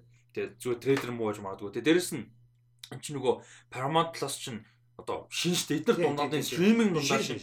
Тэнгүүд ч нөгөө трейлерээ хийх өөртөөх нь нэг тийм identity юм олоогүй байгаа дээ. Тийм болохоор трейлерс бол гэж магадгүй гэж одоо гэж бодсон. Одоо бодлоо Apple TV Plus-ын одоо C ч юм уу те нөгөө анхны хэдэн цувралын трейлер мэлрийг харахад бол identity амар муутай тийм сонирхол. Одоо тэгэхэд трейлер харалдаг бүр амар байгаа дээ. А Disney Plus ч гэсэн те анхандаа амар өөдөртэй юмуд байдаг гэсэн бол одоо тэнгууд яг Paramount Plus бол одоо амар шин байгаа болохоор бас яг нэг тийм юма яаж маркет хийх очих юм бас олоогүй гэж магадгүй. Тэгээ ганц хоёр хувцсан жоохон кринж харагдсан. Жоохон. Тэ тэр нөгөө нэг CGI-д амар тийм эв сүртэй син мин юмнууд нэг жоохон жоохон тийм гарч ялч. За тэр бол а тийм байна. Тэгээд Halo-гийн фэнүүд байвал юу ягаараа а сэтгэлээ хуулцаараа тий Halo тоглолдог Halo-гийн цуврал тоглоом юмнуудыг мэддэг. Тэгээд энэ цувралыг бас хүлээж байгаа хүмүүс байвал юу ягаараа сэтгэлээ гоё хуваалцаараа. За дараагийнх нь болохоор Shining Girls гэж байгаа. Бас Apple TV Plus өнөөдөр Apple TV Plus-ыг айгүй ярьж байна тийм. 4 сарын 29-нд гарч эхлэх юу байгаа? Цуврал байгаа. Гол дүрүүдэд Elizabeth Moss, Wagner Moura болон Jamie Bell тоглосон ийм цуврал байна. Ер нь бол богино хэмжээний цуврал байх байх гэж харж байна. Тэгээд 4 сарын 29-нд гарч эхэлнэ. The Shining Girls гэдэг нэртэй Lauren Bukes гэх юм да Өмнөд Африкийн зохиолчийн одоо зохиолоос сэтүүлсэн тэ тэр юу нь бол зохиол нь өөрөө бас нэлээд алдартай юм зохиолод юм байна.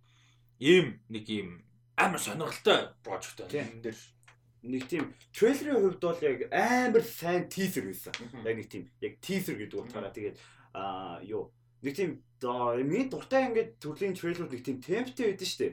Яг нэг темптэй. Яг нэг тийм амар гоё темптэй трейлер байсан. Тэгээд трейлер дээр юу болж байгааг нь юудаас ойлгохгүй байсан байхгүй. Тэгж байгаа яг нэг Shining Girls гэдэг номных нь нөгөө плотыг нь уншаад яг юу болдог гэдэг үндсэн синопсис нь уншсан чи арай ойлгосон тэгээд яг юу. Тэгээд ер нь бол амар гоё сайн трейлер байсан. Тэгээд амар гоё трейлер кино болох санагдсан зөвүүн харагдчихлаа. Тэгээд э, чи нөгөө нэг үйл явдлын ерөнхий санааг тайлбарлаа. Аа ингэжээс нөгөө depression-ийн үед нэг тийм drifter drift хийдэг баг. Одоо 20 онд гэсэн үг тийм. Тийм үед нөгөө юу оо тийм өөр цаг хугацаа руу явдаг хаалга байшин олчдаг. Тэгээд тэр байшин руугаа ингэж байшин дотор яаж тэр ингээ аяллаа үргэлжлүүлээд өөр цаг хугацаа руу явахын тулд ингэж нэг тийм shining girls алах хэвээр нэг тийм potentialтай тийм нэг амар ирээдүйтэй юм октоодыг алах хэвээр тэгжээч яг тэр аяллаа үргэлжлүүлдэг. Тэгээд 1989 онд яг нэг алах байсан үнэн нь Элизабет Моссын дүр. Тэгж жагаад Элизабет Мосыг алж чадахгүй мөлий. Чадахгүй яж байгаа. Тэгээд Элизабет Мос нөгөөдхөө зөрүүлээд ханд хийж байгаа. Яг тэгээд тийм үйл явдал болж байгаа. Тухайн юм билээ. Nice. Тэгэхээр амар зөвүүн revenge thriller мөртлөө timeline цаг хугацааны айлмал элементтэй. Тийм. Тэгээд юу яаж байгаа трейлерыг харах юм бол айгүй он цаг солигдож байгаа. Тэгээд э, тэр нөгөө director багийнх нь үсмэс солигдоод ингээд яг нөгөө цаг хугацаатайгаа ингээд хувьсаа хувьсаа яваад байгаа. Тэр бас амар сонирхолтой. Зөвүүн crime thriller юм цуврал бол Apple TV Plus дээр гарах нь байна. Тэгээд жүжигчний бүртгэн амар. Тэгээд Elizabeth Elizabeth Moss гэж ерөөсө хангалттай нэг тийм ярихдаггүй амар underrated байгаад байна тийм. Elizabeth Mendy бүр амар. Тийм гэсэн. Юу даа үзэх. Амар. Амар гэсэн. Тэгээд юугаар амар алдартай байгаа шүү дээ. Да да да handmade тийм. Тэгээд өөр чинь юу юу ч байгаа лээ. Тэгээд юун дээр Invisible Man дээр яг тийм гэр бүлийн хүчирхээлээр дүртэг тэр эмгтээгийн дүрийг бол бүр үнэхээр сайн харуулсан байсан. Тэгээд яг яг яг тэрэн шиг л явах гэж зүгээр ээ. Угаасаа өөрөө нэг тиймэрхүү царайтай л да. Бүр нэг тийм аимшигын дуу кино, триллер мөрлөр кинод нэг ямар тохирхоо нэг тийм. Ас дээр гоё байдаг шүү дээ. Тийш нэр байдаг шүү дээ. Тэр нөгөө Call the Police гэсэн чинь Fuck the Police явдаг хүмүүстэй. Тий, тий, тий. Тэр тэр нөгөө нэг тэр чинь тедэр дөлөө. Тэрнийх нь хөлбөрт бүр амар бүр зүүн таардаг шүү дээ. Эдэс бас мос мундаг л да. Тэгээ хавс 90-ад оноос хойш. Үнэхээр мундаг жүжигч जैन. Тэгээд одоо хангалттай ярихдаггүй байсаар гал дуусахын санагдаад байна шиг. Гайгүй баха. Нилээн явах хаа жодод өнгөсдөг чурж байгаа юм чи. Олон жилийн карьертэй мөртлөөд өнгөж одоо. Тэгээд юу юу киноныхоо сонголтуудыг тэгэж яваад тэгэхээр нэг тийм мейнстрим болохгүй юм санагдаад байна. Тийм тий. Бас тийм тал шүү. Нэг бол амар Оскар Москар авч мавч нэг яахгүй бол тий. Тэр тийм big project-д тоглох төрлийн хүн биш. Тийм тийм. Өөрөө сонирхолгүй юм шүү. За тэгээд өнөөдрийн трейлерүүд бол хинүүгээр ерөнхийдөө дуусч. Өнөөдөр амар фон гоё трейлер зөндөө байлаа. Зүгээр хамгийн гоё трейлер нь юу вэ? Хамгийн гоё трейлер үү за сая үзснээс яг надаа Severance л гоё. Severance амар тийм original idea тэгээд нэг тийм Бен Стилмин кино гэдэг. Гэхдээ тэрнээсээ ингэж салгаад зүгээр ингэж юу гэж бодохгүй трейлерыг үзэхэд айгүй гоё. Тийм тийм. Тэрэндээ л тэрэндээ би бас трейлерыг үзчихэд амар таалагдчихад нэмж подкастн дээр зориулаад суулж байгаа. Oh shit, Бен Стилмин хийсэн юм шиг. Яа тэгээд тэрэн дээр нөгөө нэг Club Fiasco Jill Scott-тай Daydream гэдэг дуу явж байгаа. Тэр бүр амар би тэр мэдгүй харин таад дуулаад. Тэр бүр Daydream бүр амар cool дуу. Тэгээд юуны Club Fiasco-гийн The Cool Food and Liquor хоёр угаасаа all time classic hop зам өнөө. Тэгээд юу сонсоод үзье. А тэгэд нөгөө нэг хипхоп гэснээс юу яасан нөгөө түрүүн тэг тэг бум үзсэн гэсэн шүү дээ. Тэрэн дээр Tarek Trotter буюу хин Black Dot. Black Dot бүр бүтэн дуутай дундуур бүр би бүр амар баярсан. That was cool as fuck бүр. Та юу? Тэг тэг бумын яг тэр нөгөө original бичлэгүүдийг нүдсэн үү? Үгүй. Үзээч. Яг Jonathan Larson-ыг үзээрэй. Тийм манай үзэл суугаад би үзээгүй. Яг тэр нөгөө тэр нөгөө play the game play play game. Тэр яг тэр дуу муугаа яг нэг илгийн малгай хөвчээд тэр нөгөө кредит дээр нь тэр нь явсан шүү дээ. Тийм яг тийм нэр бүр илгийн байгаад. Яг тэрийг тусдан зорж үзээгүү тэ тэр кредитийн дуустал үзсэн. Яг киноных нь бол. Тийм тэр бол дуусахаар байсан л да нөгөө бодит хүлээж идсэн л. Тийм сонирхолтой. За хамгийн гол трейлер нь юу? А Severance те. Nice. Severance ялч байгаа байсан. Би бас санал нийлж байна. Гэтэ ер нь A24 юу энэ төр трейлерыг бол нэрээ үнэхээр сайн яадаг болжээ. Юу бас Apple TV Plus сая тэр юуны трейлер Severance тэгэл энэ юу мó Suspicion бас гоё. Тийм Suspicion трейлер амар cool. Тэр нөгөө өмнө гасан Invasion трейлер чинь тэр Foundation трейлер амар ш. Аа зя тэгээд одоо болохоор 9 сарын 16-нд гарах гэж байгаа The Woman King гэдэг киноны зураг гарсан байсан. The Old Guard киноны найруулагч Gina Prince With the wood by the wood by the wood л байгаа юм л та товч яг нийлүүлсэн by the wood гэдэг үедээ with wood гэдэг үеж магадгүй тийм. А энэ хүн бол найруулж байгаа 9 сарын 16 кино театруудаар гарах юм байна. Тэгээ нас амар сонирхолтой. Би ерөөсөө Африкт одоогийн юу юм бэ лээ? Одоогийн Бенин, Бенин минэн үлээ те. Тэр улсын одоо юм юу area ерөөхдөө баруун Африкт энэ 10 7-оос 19-р зууны хооронд юм Дахомегийн гүрэн гэж байсан юм байлээ Африк гүрэн. Тэгээ нэлээд лежендэр юм байлээ л да Африкт. Ингээ Африкт түүх сайн мэддэг гэдгийг л харуулж байгаа. Тэгээд тэнд болвол юм Дахомег гэж гүрэн байсан. А тэгээд юунууд нь цэрэг айрам нь болохоор дан эмгтэй бодит дээр ерөөсөө тийм байсан. А тэгээд энэ юуных нь тэр цэрэг айрмынх нь одоо том генерал жанжин гэх юм уу те Наниска гэдэг эмгтэйгийн ерөнхийдөө түүхтэйгэл тэр мөрний талаар ийм кино гарч байгаа юм байна. Тэгээ зүгээр энэ дээр а жүшний бүрэлдэхүүн бас амар гоё. Viola Davis Viola Davis fucking badass бүр Jesus look нь амар гоё. Тийм зураг нь бүр ёо бүр fucking badass бүр амар харагдаж. Зүгээр шууд Black Panther тоглож байна. Тийм бүр амар шууд шууд Wakanda-гийн theme дээр явж байгаа харсан чинь баг. Тийм бүр Jesus бүр үнэхээр cool as fuck харагдаж лээ. Хиддэж хүн те нөгөө Amanda Waller Waller дээр харгаа нэг юм old woman байдаг шүү дээ. Ийм аим буржгар үсвэстэй. Тийм нэг юм нэг юм нөгөө older woman хувцс мовцтой office те. Энэ дээр fucking бүр зүгээр fucking badass. Арай амар болсон. Тэгээд жүжигчдийн бүрэлдэхүүнд Манунаас гадна Lashana Lynch байгаа сайн нөгөө Time to Die дээр тоглолтыг. А тэгээд John Boyega байгаа нэг юм гоё жүжигчдийн бүрэлдэхүүн бас байгаа нэг юм сонирхолтой project болвол а гаргаж байгаа юм байна. Энэ дэр ихэр сонирхол төрөв. Амар сонирхол төрсөн. Ингээд юу яа бидэд нөгөө pop culture club дээр өмнөх дээр ярьжсэн шүү дээ. Нөгөө Африкийн түүх дутуу байдаг гэх. Яг тэрийг ингэж нэг багч гисэн. Багч зүгээр киногоор ч байгаа тийм. Мэдүүлж байгаа нь амар гоё байгаа яг нэг тийм. Одоо энийг мэдгүй болохоор нэг тийм мэдгүй юмыг яг ингээд нэг тийм амар гой томоор хийчихэж байгаа шүү дээ. Тэгэхээр одоо амар бүр юу яаж historic epic гэж хэлсэн шүү дээ. Бүр нэлээ epic. Харин тэгээд яг ийм мэдгүй түүхийг ингээд яаж байгаа амар гоё байгаа. Тэгээд энэ гол дүрд нь Violet Davis-тэй хэн байгаа юм бэ? Tuso Mbedu гэж жүжигчин байгаа юм байна л да. Тийм жүжигчин эмэгтэй болохоор сайн нөгөө Barry Jenkins-ийн Prime видеотой гардаг бүр амар үнэлгээ авдсан нөгөө The Underground Railroad гэдэг зураг тэр нь тогсон юм. Тэргээр ерөөдөө нэлээд гарч ирсэн. Тэрийг бас датгуу дээр анх трейлерыг үзээ. Holy shit ямар амар ингэ. Тийм яг тэрийг санджийн хоёр ярьж. Текстээ үзээ. Prime video дээр байгаа тийм. Тийм Prime дээр. Листэнд байгаа. Watch list дээр аа татсан байгаа гэдэг чи одоо сүүлдээ бүр татах ч watch list-д байгаа болсон шүү.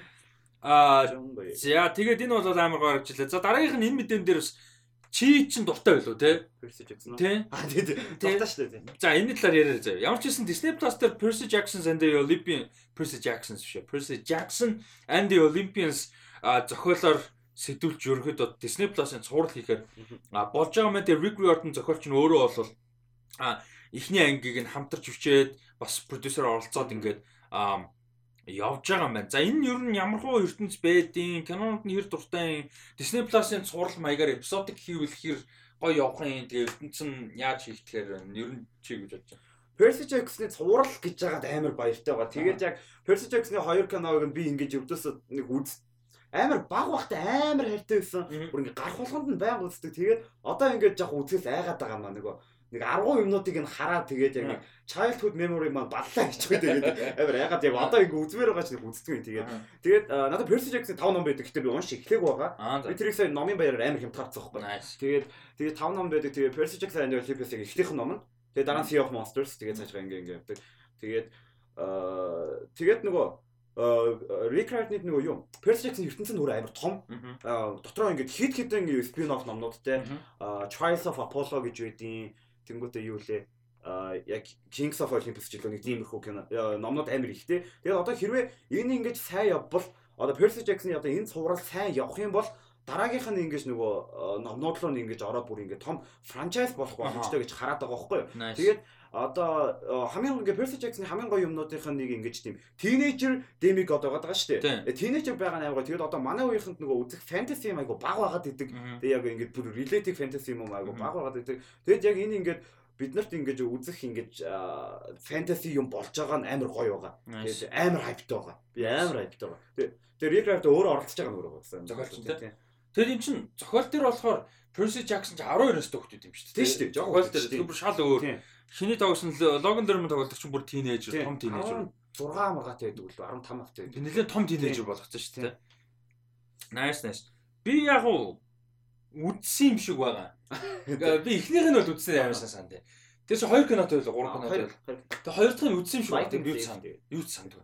Тэгээ нэг нь үдчихэд яа окей гэдэг жоох харахгүй. Тэр нөгөө нэг Tropic Thunder дээр Al Pacino гэдэг нэг Эли дүр тоглоод байдаг нөхөр өдөж шнэ ямаа дүр өдөж шнэ тэрэнд нь тоглодог найз мэз байгаа дууж байгаа аргу.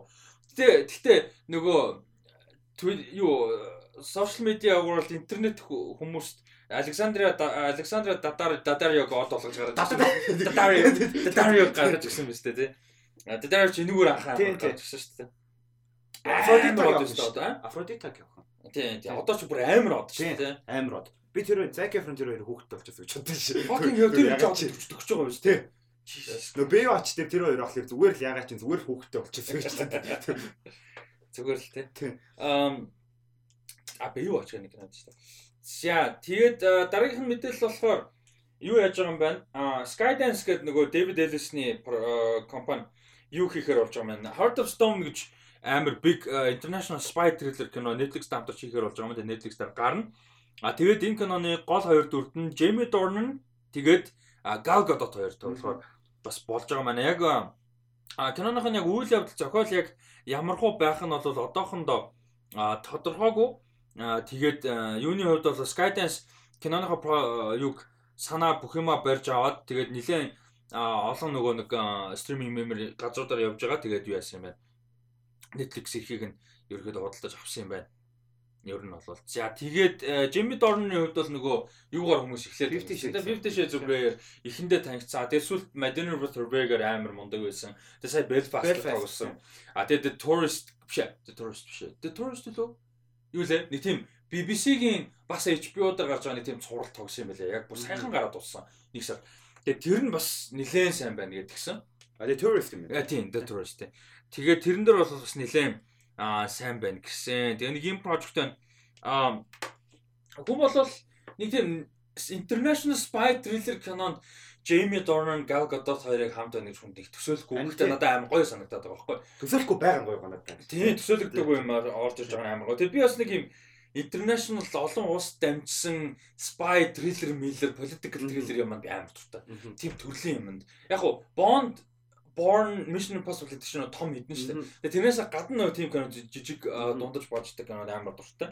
Тэгээ тийм болохоор энийг бас тэр тал дээр гоё кино байгаасаа гэж найж. Дээрээс нь Jamie Dornan нэг нэг тийм өөр action crime thriller кино spy thriller тэ кинонд сарна гэдэг. Тэгээ Gal Gadot бол угаасаа таарна шүү дээ.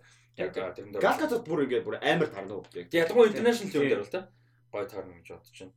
За тэгээд Том Harper найруулах юм байна За тэгээд Greg Rucka, Alison Schroeder гэж хоёр хүн зохиолын бичиж байгаа юм байна.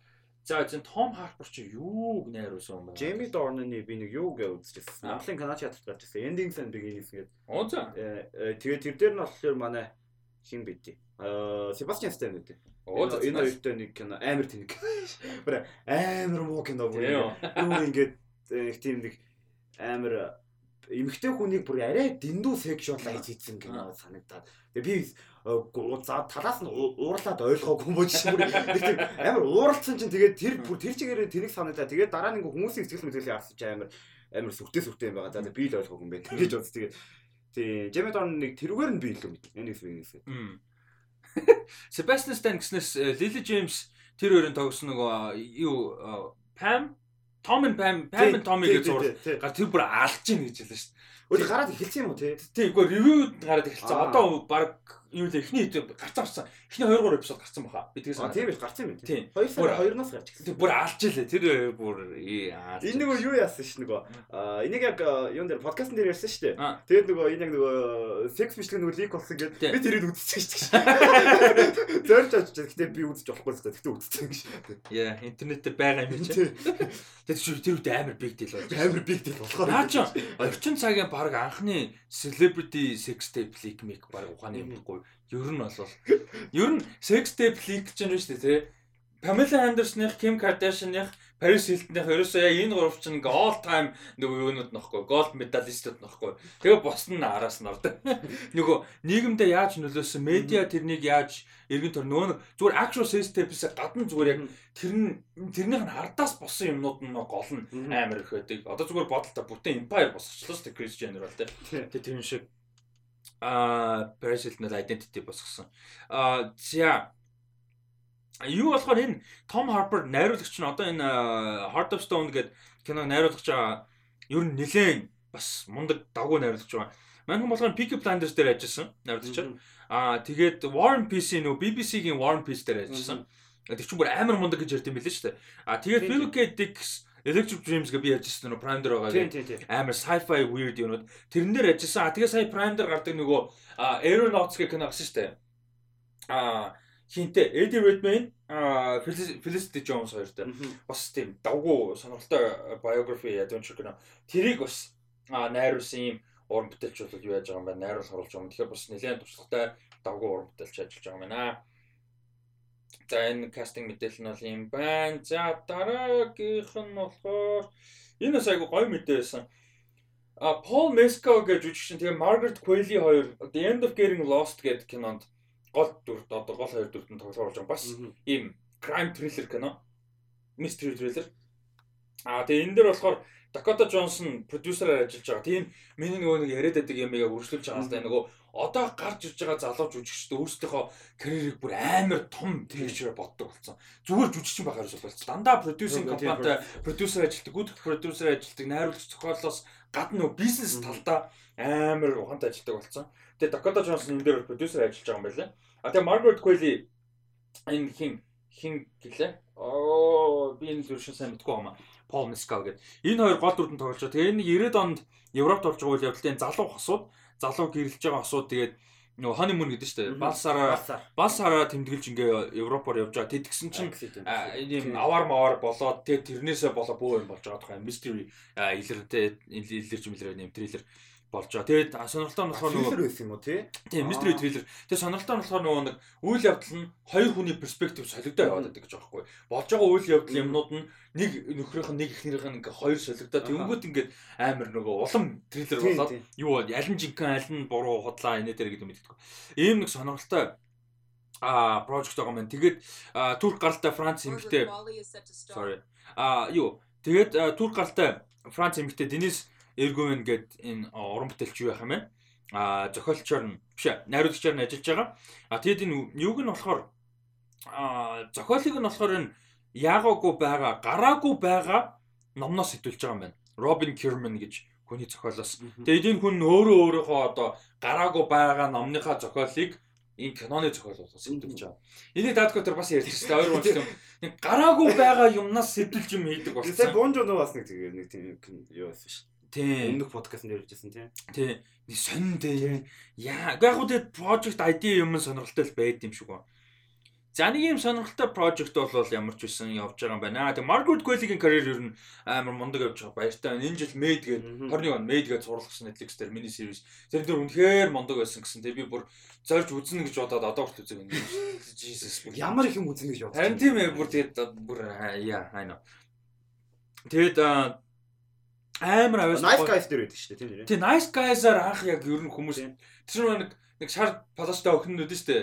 Яг спойлдод яг тийм. Гэтэ тэр дүр дээр байдаг. Тэгээд дараа нь ингээд карьер нь бүр амар гоё явцсан. Тэгээд Once Upon a Time in Hollywood дээр нэлээд хүмүүс байсан баг. Seberg. А тийм баг. Аа. Тийм. Нөгөө юуны Chris Stewart. А Seberg дээр тогсон байна уу тийм? Тийм байт юм. Seberg дээр ямар дүр байсан? Яа, Seberg дээр байсан ч нэг тийм байт юм байна яг юу л жижиг туслах би үтсэн Андер Магийн Кристен Стюарт гол дур тэр би марччихээ Сибрүүр тэр байдаг лөө тийм nice. А тий гэтээ ер нь хин Маргарет Кол Зази биц үү юм шин ер Зази биц а тий Зази бицэг бас санаж Зази биц гоё бас. А ер нь манай Атлантикийн крүүхэн гоё. 3 сарын 20 дөрвөн тэр тэр амар постэр. Яа. Тэр бүр тэр нөгөө постэр юм бүр кул. Тэгээ тэр артистийн инстаграмыг дагсан. Тэгсэн чинь тэр артист нь ийм afrofuturism-аар яадаг зураг зурдаг юм артист юм байлээ. Тэгээ мань хүн бүр ингээ Атлантаг амар шүтдэг тэгээ бугасаа юм артист тэгсэн чинь ер нь Атлантик уран бүтээлчдээс өөртөө холбогдоод тэгээ ингээ яасч мань хүн бүр амар хайпцээ өөрөө бүр ингээ тэрэндээ proud as fuck. Тэгээ Instagram ингээ дагангуу сүүлийн 5 хоног бүр тэр чигээрээ тэрнтэйгээ холбоотой. Бүр амар өмнөөс нь амар happy. Аа nice.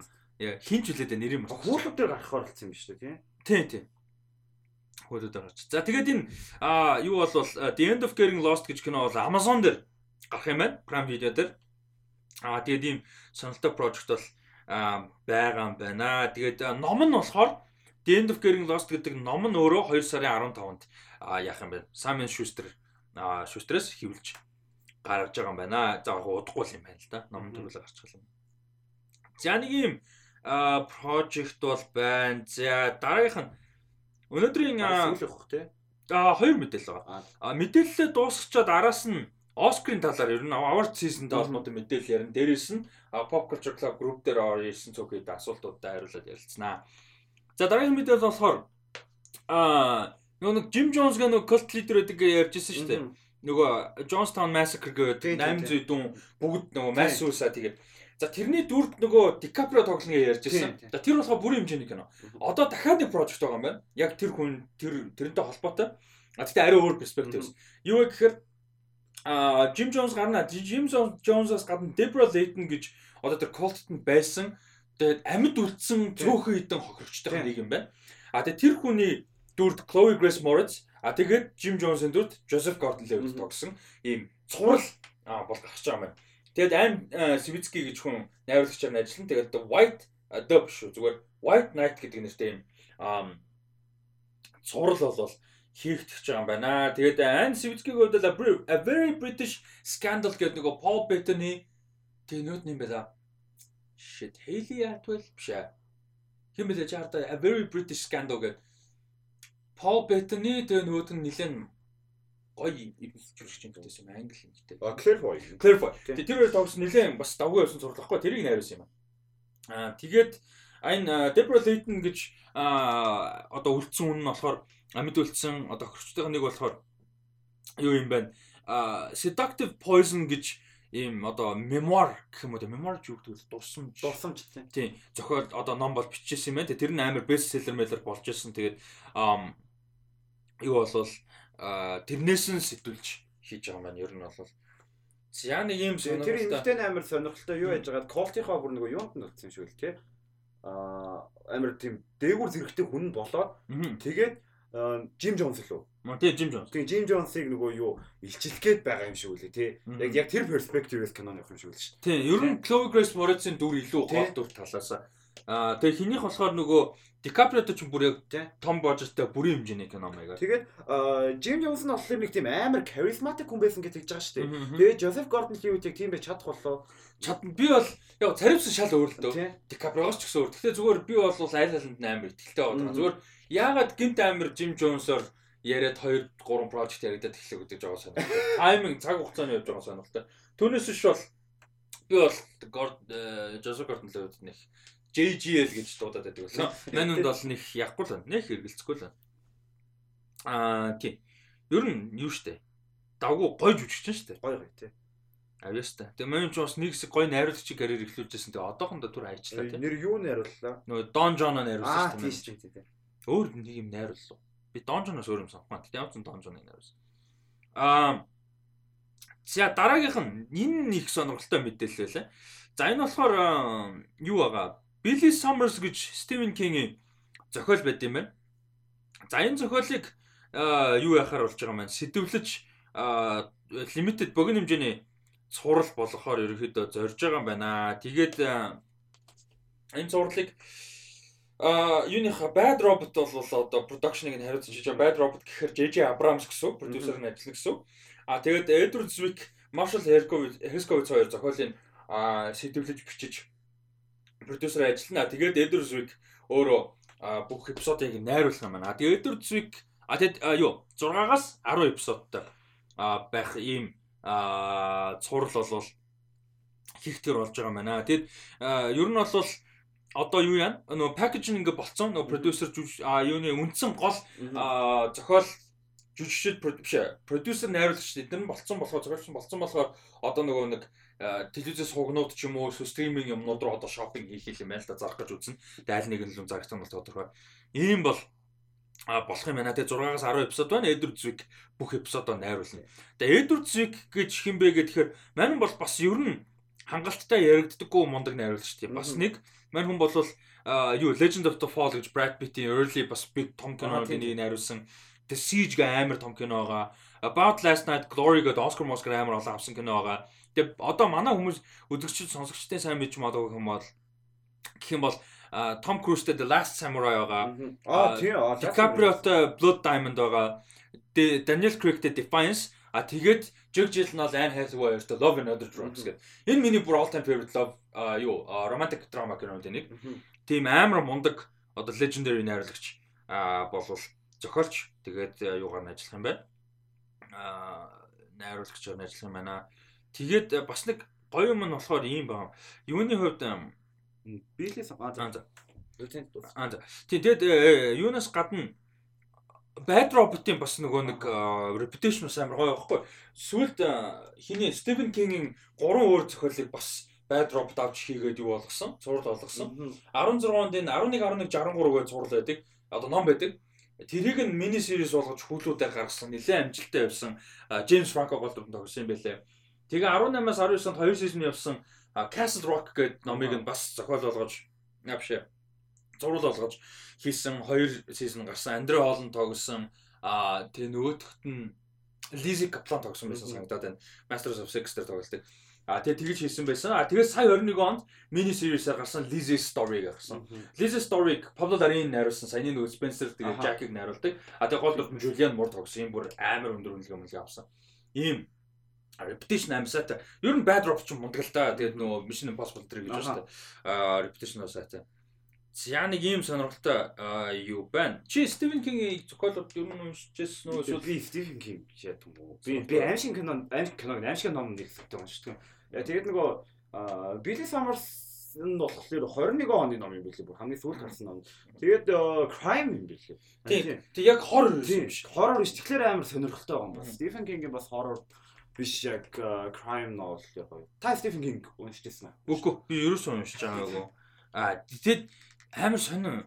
Яаж ингээд жилд 2 3 2 3 2 3 ном гаргаад л гэдэг. Тэгээ дандаа тэд нар амар юник амар сонин те гайхмаар.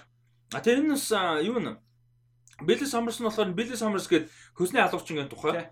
Тэгээ манай болохоор ерөнхийдөө хөгшөрж байгаа тэгээд нэг сүүлийн тэ орлого сайтай нэг хит хийчихэл болох гэж байгаа ерөнхийдөө тухай. Тэр нэг сүүлийн хит нь болохоор өөр нэг хит мэныг алах зорилготой. А тэр хит мэн болохоор хүн алчаад хүн алсан хэрэгээрээ шоронд одоо шүүх хурал явж байгаа. А тэгээ мань хүн болохоор яг тэр шүүх хурал болох газрыг нь эсрэг талд ингээ нууцсан тэр мань хүнийг алах гэж байгаа. А тэгтээ тэр хүнийг одоо мань хүн одоо манай гол дүрийг хин захиалсан. Яагаад тэр хүсний алуурчныг бас алуулах гээд байгаа. Тэр алуулах одоо шүүх хуралд болж байгаа алуурч нь ер нь ямар хэрэгт орооцсон ямар учраас юусан гэдэг юмнууд нь амар мистери. А тэгээ манай хүн бол мэдээж clearly шууд ихлэ алахгүй шүү байгаа. Тэгээ яг юу болсон яасан тэгээ тэр цаана босон асуудал юмнуудаа одоо discover хийгээд явах юм шиг байгаа. Нэг юм сонирхолтой project. Тэгэхээр энэ дээр бол кастингийн хувьд бол хоёр том кастинг байна гэсэн үг шүү дээ. Билли Саммерс нь гол дүрийн кастинг а тэгээ нөгөөх нь болохоор нөгөө шүүх хуралд байж байгаа алуурчин Joel Allen гэж аа бас хөлний. Билли Саммерс тэм байвал гоё бол нэг тийм retire хийж байгаа hitman гэхлээр аа retire хийж байгаа hitman Майкл Шанн байла. А тийм бэ тий. Яагаад тэгэхээр хитрхи царайлаг хитрхи кул хүмүүс тоглохоор ч бонд левел нь олж штэ нэг тийм хөрсөн дээр боохгүй. Тэгээ Майкл Шанныг харахаар нэг тийм ruthless алуурч юм байх юу таахгүй. Ер нь боломжтой. Бүр Майкл Шанн байвал бүр perfect болох юм байна. Гэхдээ жоохон humanityтэй дүр гэх юм бол Майкл Шанн руу болохгүй. Мөн ч тийм humanity байхгүй дүр. А humanity яг нь гол дэм жоохон humanityтэй дүр юм шиг байгаа. Тэгээ яг нь чинь хүн алах гэж байгаа болоод юу бас ер нь яагаад инээ дэргээд Тэгэхээр хэн байл зүгээр юм дээ. Магадгүй нөгөө алууч нь Майкл Шан байх. Тийм байх. А нэрээ тийм байх тийм. Ер нь Майкл Шан алууч байх. Тийм. Ер нь алууч байх. Ам гол дүр нь манай сонсож байгаа хүмүүс бас ягаар тий. Зодог тайлгч байгаа хүсний алуучин гэхээр нэг 50-д настай хүн байж таарна шүү. Тэрнээс өгшөн бол хэцүү. Тэрнээс залуугаар арай залууч юм. Тэгэхээр нэг 50-д насны дүрд тоглоно гэх юм бол Оскар Айзек байсаг хитрхи gorgeous. Оскар Айзек. Царайлаг болчих. Тийм average царайтай хүн байл гоё. Average царайтай хүн байл. Ер нь яг эсрэн дээр хүсний алуурчин малуурчин нэг тийм хүнд гарвал бол average царайтай хүмүүс уус нэг тийм Chris Evans, Ryan Reynolds шиг хүмүүс хизээч тийм вообще Ryan Gosling шиг хүмүүс хизээч тийм алуурч байдаг болох. Reynolds ч тааж шүү дээ. Тийм Reynolds шүү дээ. Аа тийм ямар ч юм байвал гоё юм тгий санаж. Оо а бас арай жоохон хөгч юм байна. Гэтэ нэг 10 жилийн өмнөх хим бол Delroy Lind бол амар. Аа тийм тийм. Одоо арай жоохон настаад байгаа. Нэг тийм Delroy-ын доо яг одоо арайч хитмэн болохгүй төгшөө. Тий одоо арай л төгшөө нөө 70 мал баг хүрчихэж байгаа бох 70 төгсөж байгаа. Нэг 10 жилийн өмнө байсан бол Тий тий яаж вэ? Арай л одоо өгсөж байгаа. Их юм гэхдээ гоё юм байна. Аа Delroy-ын доо. Наач амар гоё асуулт энэ өөр хэм байж болох юм. Чамаа санаанд орж байгаа юм байна. Надад байдгүй. Оо хин амар гоё.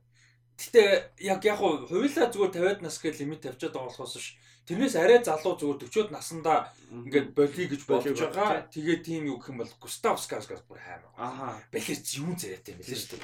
Аа ер нь зүүн тэр яг нэг хөсний алдарч байл байгаа. Густав Скарсгас нэрээ гаргал. Аа за энэ дээр манай бас сэтгэлээ хуваалцаад комент бичээрэй.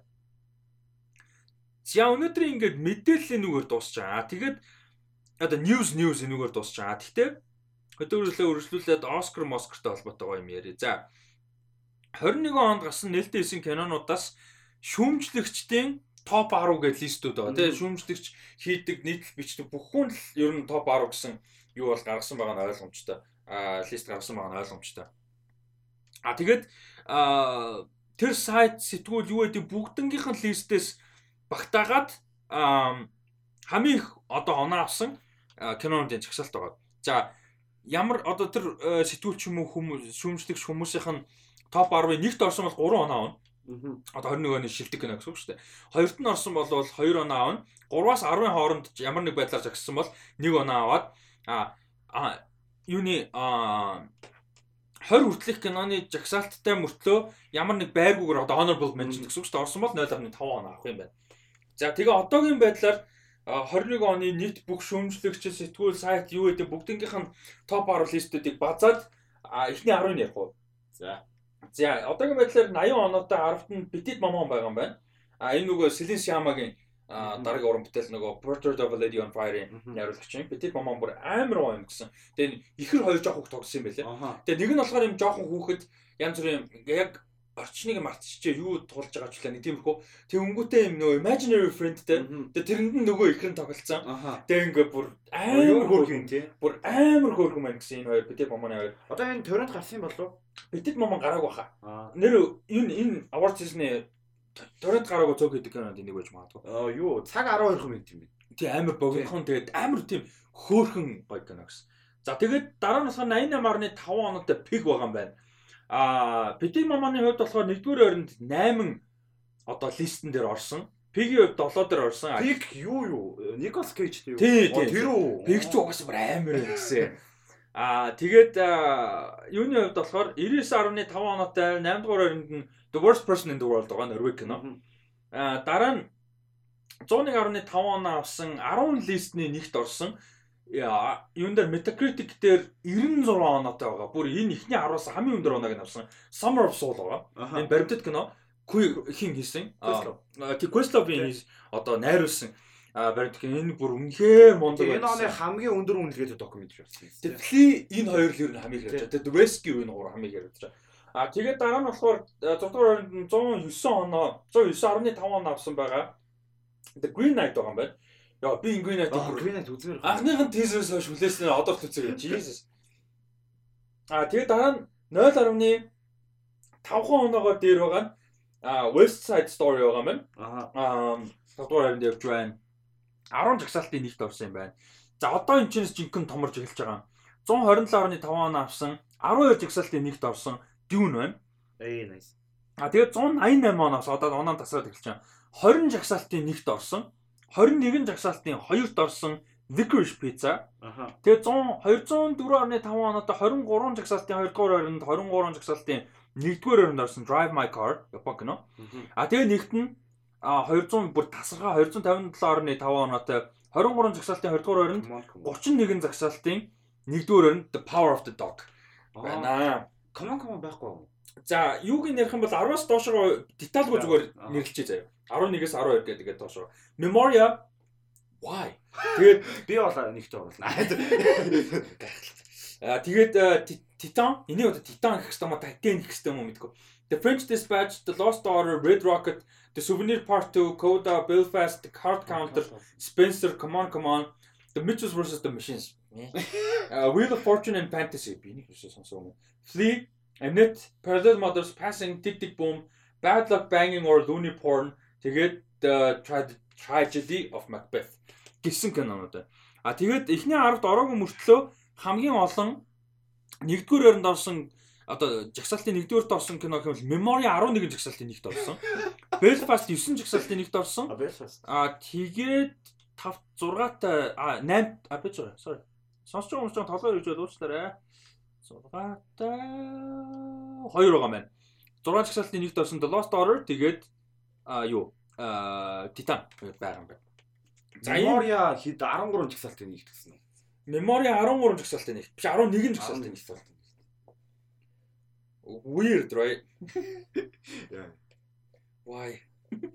За энийг тэгээд 7 хоног болгон бол шилжлэхгүй гэхдээ нэг юу Оскар төхүүлээд нэг апдейт хий. Тэгээ Оскар яг өмнөх нэг дугаараараа гоё апдейт хийгээд яриа гэж байна. Энэ бол Тэг Power of the Dog бол ерөөхдөө тэргүүлж байгаа. За одоо award list энэ нь нэлээд детальтай яриндаа сонсож байгаа хүмүүс bear with us те. Яг нөө юм нэг visual visualгүй яах жоох хэцүү тийм process. Гэхдээ яриад явахаар гайг байх гэж надад чинь. Чи command command гэж үзсэн нэг нэг тарин тэгж бодчихсан тийм. Тэгсэн Power of the Dog мартсан биш. Алж илээ. Ер нь баг best picture front runner юм шүү. Тийм шүү. За а 21-оос 22 оны award season-ы award card-ыг одоо яах чинь. За award card-ийн хамгийн ихний нэмэгдсэн нь бол 20 оны 10 21 оны 10 сарын 21-нд Critics Choice-ийн documentary номининууд Gotham Awards-ийн номининууд зарлагдсанаар award season аль биесээр ихсэн ба. За тэрнээс хойш нэмэгдэж явсаар байгаад хамгийн сүүлдээ 2 сарын 3-нд Британий кино академийн номинашнууд буюу BAFTA зарлагдсан. Энэ завсар зарлагдсан бүгд орж байгаа юм. Холбоонууд нөгөө association-ууд, guild-ууд, Golden Globe авснууд нь, нэр дэвшснүүд нь, критикуудын холбоонууд юу вэ? Ерөөсө бүгдээрээ fucking Kino Society, Society бүгдээр. За. Эднэр дундаас аа хоёлаа юу вэ? Юу нь хамгийн одоо олон шагналыг аваад явж гин вэ гэдгийг хоёлаа ярилцъя. За animated feature. За animated features Мамара Хосодагийн Мамара Хосода мөн тийм Мамара Хосодагийн Bell юу яасан байна? 20 дугаар нэг удаа орсон 7 удаа номинашн авсан. Нийт 9 поинттай. За Ryan the Last Dragon 21 онд гарсан гэсэн дээ. Ryan the Last Dragon 21 онд гарсан юм шүү дээ. 3 сард гарсан биз? Оо. Бүр таг мартсан. Бүр аим мартсан биз? Ryan Ryan the Last Dragon нэг шагнал авсан. Нэг нэг удаа 20 дугаар оронд орсон, 20 удаа номинашн авсан юм байна. А доорс дэш явж байгаа шүү. Нийт 6 аваа. За дөрөвт нь болохоор Лука. Лука ганц шагнал авсан. Нэг удаа хоёрт орсон, 28 удаа нэр дэвсэн. Encanto 7 шагнал хүртсэн. 2 удаа 2 дугаар байранд орсон 22 шагнал 22 удаа нэр дэвсэн. Flea 9 шагнал авсан. 2 удаа биш 5 удаа 2 дугаар байранд ороод 20 удаа нэр дэвшээд тэгээд what The Mitchells versus the Machines 24 шагнал аваад 2 20 дугаар байранд 2 удаа ороод 15 удаа нэр дэвшсэн. Бүр тасгаа хэл явж байгаа юм. Why? Амар fine л. Zero boxing үсгийн үнэлгээ үнэлгээ бас сайн байсан ш. Үгүй дайжгүй л дээ. Гэтэл Лука ч юм уу Ryan the Last Dragon тийм флигийн яг флигийн үзээгүй л байгаа л да. Сонссон юмны хажууд бүр nothing. Why? За тэгээд documentary. Аа за 6 байна. Val The Velvet Underground Precision Rescue гэсэн дөрвөн юу болвол баримтат кинонод бол ямар нэг шагнал аваагүй гэхдээ ямар нэг байдлаар нэр дэвшсэн. А Flea 11 шагналыг одоогийн байдлаар аваад байгаа. За нэгт нь бол Summer of Soul 33 шагнал аваад байгаа. Documentary төрөлд бол бүр түүж гинэ гэсэн. Summer of Soul баг бат байх дүү. Tiflin хоёрын нэг бол бат юм шүү. За international юм уу foreign language төрөл дээр. За эхний зураг The Hand of God, A Hero, Titan, Flea, The Worst Person in the World, Drive My Car гэсэн кинонууд одоо явж гин хамгийн их нь бол Drive My Car 25 шагнал одоогийн байдлаар аваад байгаа юм байна. The Worst Person in the World болон Flea 2 2 шагнал авсан. Тэгэхээр бүр тасарсан гэсэн Drive My Car. А Hand of God 3-ыг авсан юм байна. Нэр дэвсэн цөөхөн мөртлөө авсан 3 юм байна. За editing. Эвлүүлэг дээр The French Dispatch 2 шагнал авсан байна. А Licorice Pizza болон Belfast-ийн эвлүүлэгчид бол шагнал аваагүй мөртлөө илүү одоо удаа нэр дэвсэн учраас байр дээр байна. А тэгээд West Side Story-гийн хоёр эвлүүлэгч ажилласан юм байна. 3 шагнал хүртээд байгаа юм байна. А Power of the Dog-ийн эвлүүлэгч 4 шагнал хүртсэн байгаа л Dune-ийн эвлүүлэгч бас 4 эвлүүлэгч одоо шагналтай. Тэгэхээр яг одоогийн дурдсан үедээс бол эвлүүлэг төрөл хамгийн тэгш өсөлттэй байгаа юм байна. Аа за зураглаач. За энэ жил зураглаач хэн байхгүй үед тэгээд манай Roger Dickens Sir Roger Alexander Dickens болсон шүү дээ. Knighthood болсон. Тэгээд Roger Dickens байхгүй бол өстэй их те. За Nightmare Alley-гийн зураглаач тэгээд West Side Story-гийн зураглаач хоёулаа 2 2 шагнал авсан байгаа юм байна. А The Tragedy of Macbeth The Green Knight хоёрын зураглаачид 6 6 шагнал авсан байгаа юм байна. Dune-ийн зураглаач Craig Fraser 10 шагнал авсан болвол The Power of the Dog-ын зураглаач 12 шагнал. Бас нэлээд өрсөлдөөтэй явж байгаа юм байна. Энэ сайн өнгөрсөн оны киноноос гоё зураглал санагдаж байгаа юу? Гоё зурагтай кино. Өнгөрсөн оны муу кино гэсэн байлээ. Цөөх үзүүн тийм. Дүүн л байсан шүү дээ. Ялч үстэй дүүн үнэхээр эдэг спак. Дүүн л байсан. Спенсер амар гоё байсан шүү дээ уулна. Яг яг би бүгдийг үзээ болгоо мэдгүй л байл. Спенсер бүр амар гоё байсан. Аа, сайн нэгтний байсан бэ? Юу, The Power of the Dog. А Power of the Dog. Тийм үзег байсан. За одоо screenplay. За screenplay айгүй олон юу байна. Аа эхний 5-ын лэр. Айгу олон байна. За Mask гэх нь энэ юу вэ? Энэ онд гарсан хамгийн жижиг мөртлөө хамгийн сайн кино нэг байна гэсэн. Тэгээд бүр ингээд screenplay туслах жүдөө ихтэй жүжигчин мөрчин ингээд бүр ингээд амар олон юмар уулна явах ёстой тэгээ явахгүй байгаа. Угаасаа жижигхэн болохоор ингээд тэг бүр one of the best movies of the year гэсэн. Тэгээд Chris Tuckman бүр энэ кино бүр өөрөө номер 1 кино гэдэг хэлсэн. Мас мас бүр амар. Бажт нь 145 мянган доллар гэсэн. Явшаа 300 мянган доллар юм байна. Монгол кино санагдаж байна. Тэгээ 300 мянган доллар хийгээд box office 145 мянган доллар. 300 мянган доллар гэдэг чинь э тал нүдийн зомбигоос жоохон илүү болчтой. За энэ Max болохоор дөрвөн шагнал авчаад байгаа юм байна. Зохиолороо. Дараа нь болохоор Ryusuke Hamaguchi болон Takamasa Oe хоёр нийлээ хамт Drive My Car-оор 7 шагнал авсан байна. Kenneth Branagh Belfast-аар 5, Paul Thomas Anderson Licorice Pizza-гаар 10, тэгээд Jane Campion The Power of the Dog-оор 10. Ер нь бол Power of the Dog бол. А тэгээд энэ саяны юунд болохоор бүгдийг нийлүүлсэн байгаа. Нөгөө original adapted энтриг Power of the Dog-ыг авч байгаа.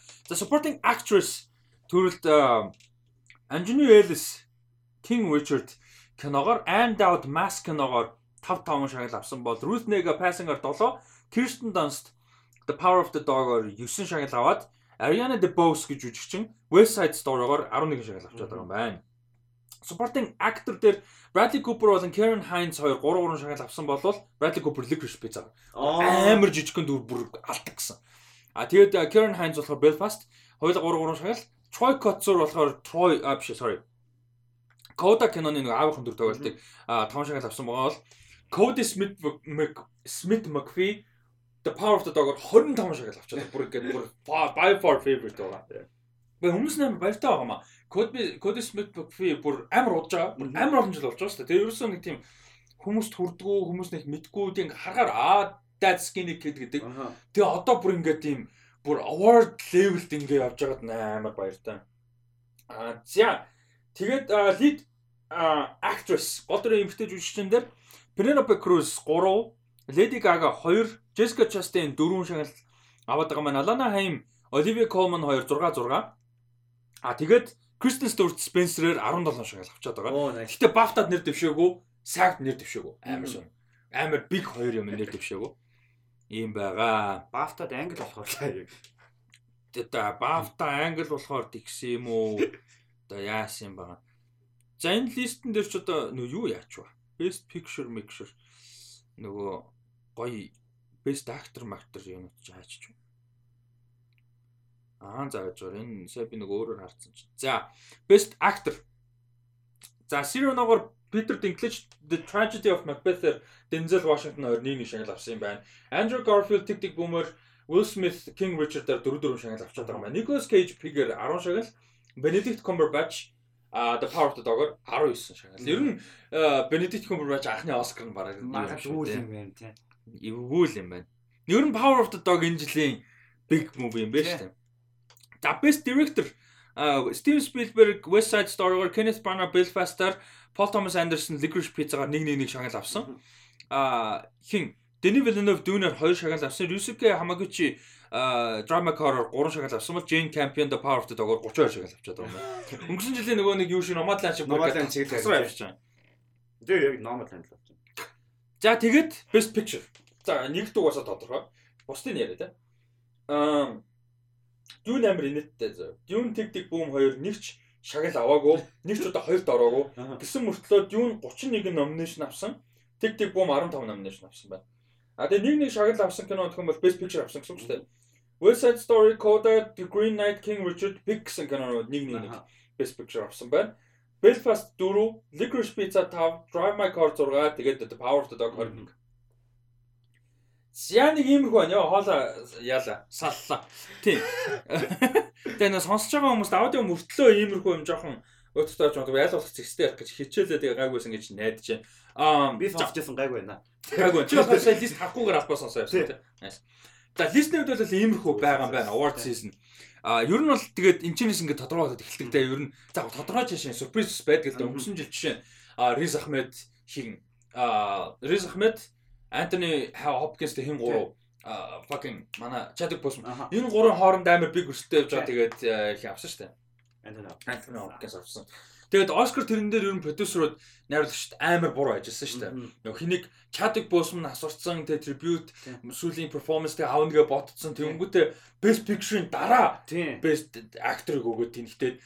Тэгээд тэгсэн чинь Anthony Hopkins аваад амар тийм anticlimactic. Тэгээд яаж ч Anthony Hopkins байхгүй.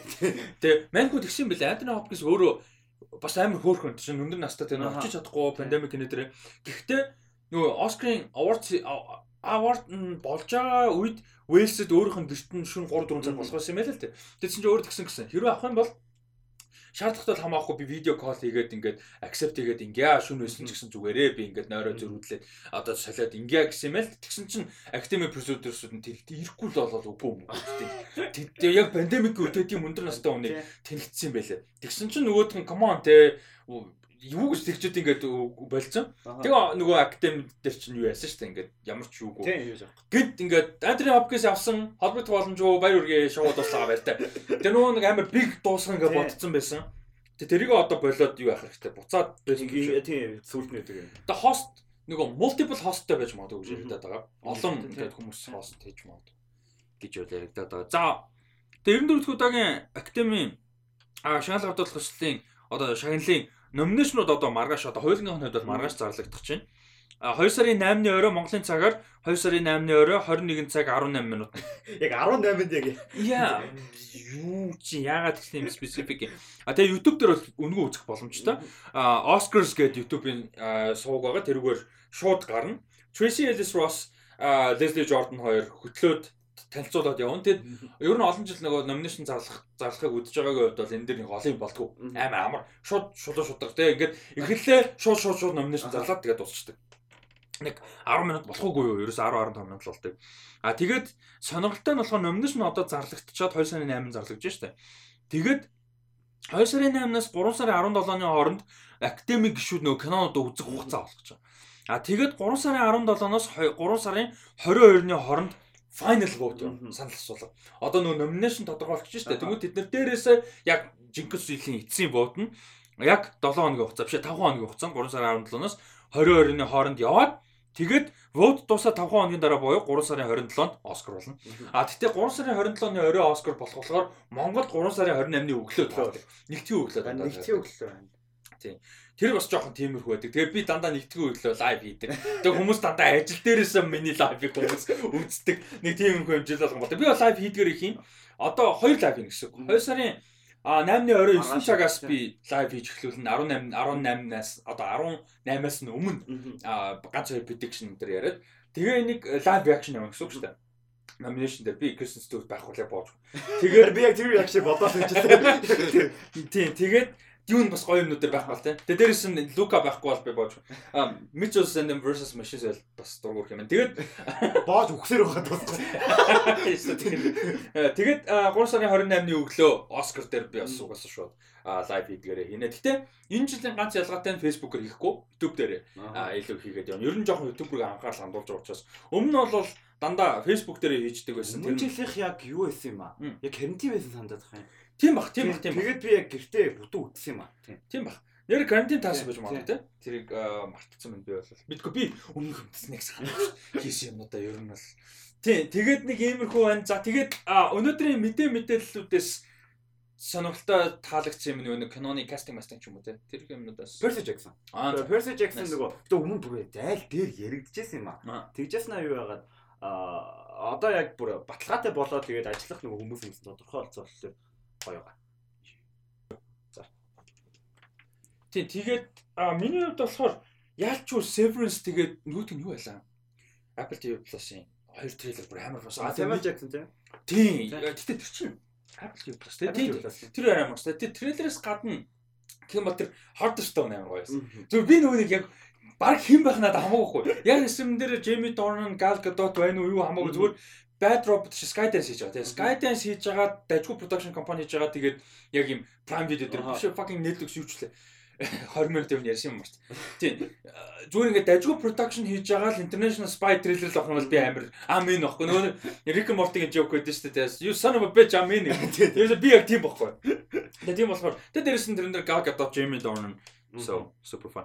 За а тэгээд Юу яа? Өнөөдөр яриаг ч гэсэн offer шүү ч гэсэн. Аа, offer шүү тий. А тий. Гэтэ өнөөдөр хоёлыг яриаггүй шүү дээ тэр. Тий, яриаггүй тий. Тэгэд Питер Инкс нэр тэрийг мэдээлэл өгч та. Аа, The Offer гэдэг цувралын mini series одоо бүгд хэмжээний цувралын трейлер гарсан. Тэгээ тэрийг өнөөдөр мэдээлэлд оролцсон байж байгаа болоод тэрний талаар тусдаа видео хийхээр шийдсэн битээр тэрний талаар ярилцээ тэгээд Godfather-тай холбоотой тэгээд дээрэс нь тэргэл маань өөрөө Godfather-ын ертөнцийн амар том фэн. Тийм учраас тэрний талаар илүү тайлбар өгнө бас сонирхолтой авах гэж. Тэгээд нэг тийм kind of trailer reaction explained whatever тэгээд бас Godfather-ын ертөнцийн тиймэрхүү видео аа байгаа. На тэрийг тэгээд маргааш нөгөөдөр хизэнээс үдийн гарах бах тэгээд тэрийг нь үзээрэй. За юу яа? Коммент уншаа. За энти Тэмүүлэнгийн аа Хай Тэмүүлэн.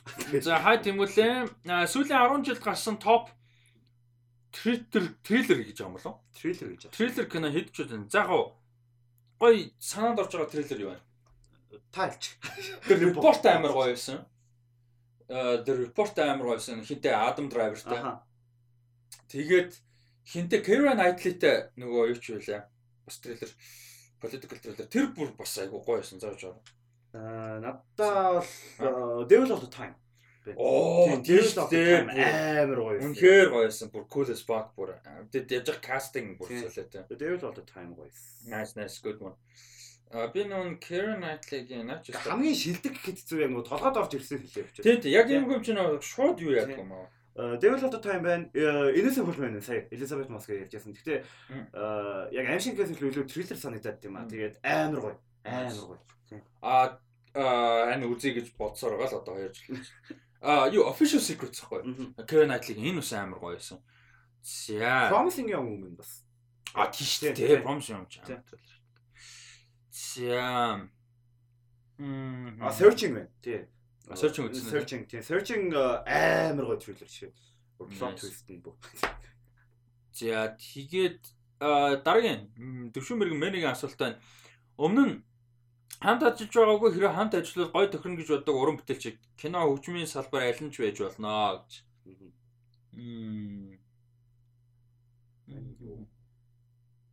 Чамд бодож байгаа юм бэ? Та бодогдохгүй.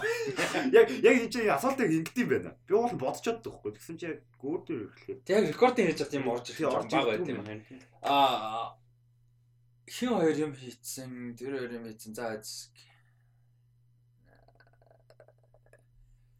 ингэж бодлоо зүгээр яг одоо л бодож байгаа сан Kendrick Lamar яг угс юм хийхгүй байна Kendrick хийдэж сам гарах. Гэтэ Kendrick Lil Sims-тай хамтруул амар гоё. Lil Sims бүр бүр амар гоё артист байлаа. Тэгээ тэр хоёр хамтруул амар гоё гэж магадгүй. Ам кино талдаа хамтарч байгаагүй хүмүүс гэхээр хэн байж болох вэ?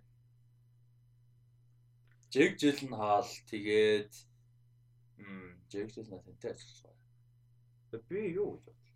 Аа гараа авчлаа. Hero Murai шүү дээ. Hero Murai. Hero Murai за. Hero Murai-тай нэг тийм хин нэг тийм амар зөвхөн триллер кино, триллер кино тоглож гарч үзэж чинь. Dan Stevens. А тий. Оо яа. Hero Murai Dan Stevens гэх юм бол оо shit. Галцсан юм болно тийм бүр. Тэгээ weird shit. Nice ганцаараа кино хэрэгтэй. За тэрүүгээр хойлоо тогтчих. Hero Murai найруулсан тэгээд Dan Stevens гол дүр. Хөгжмөөс гэх юм бол юу байна?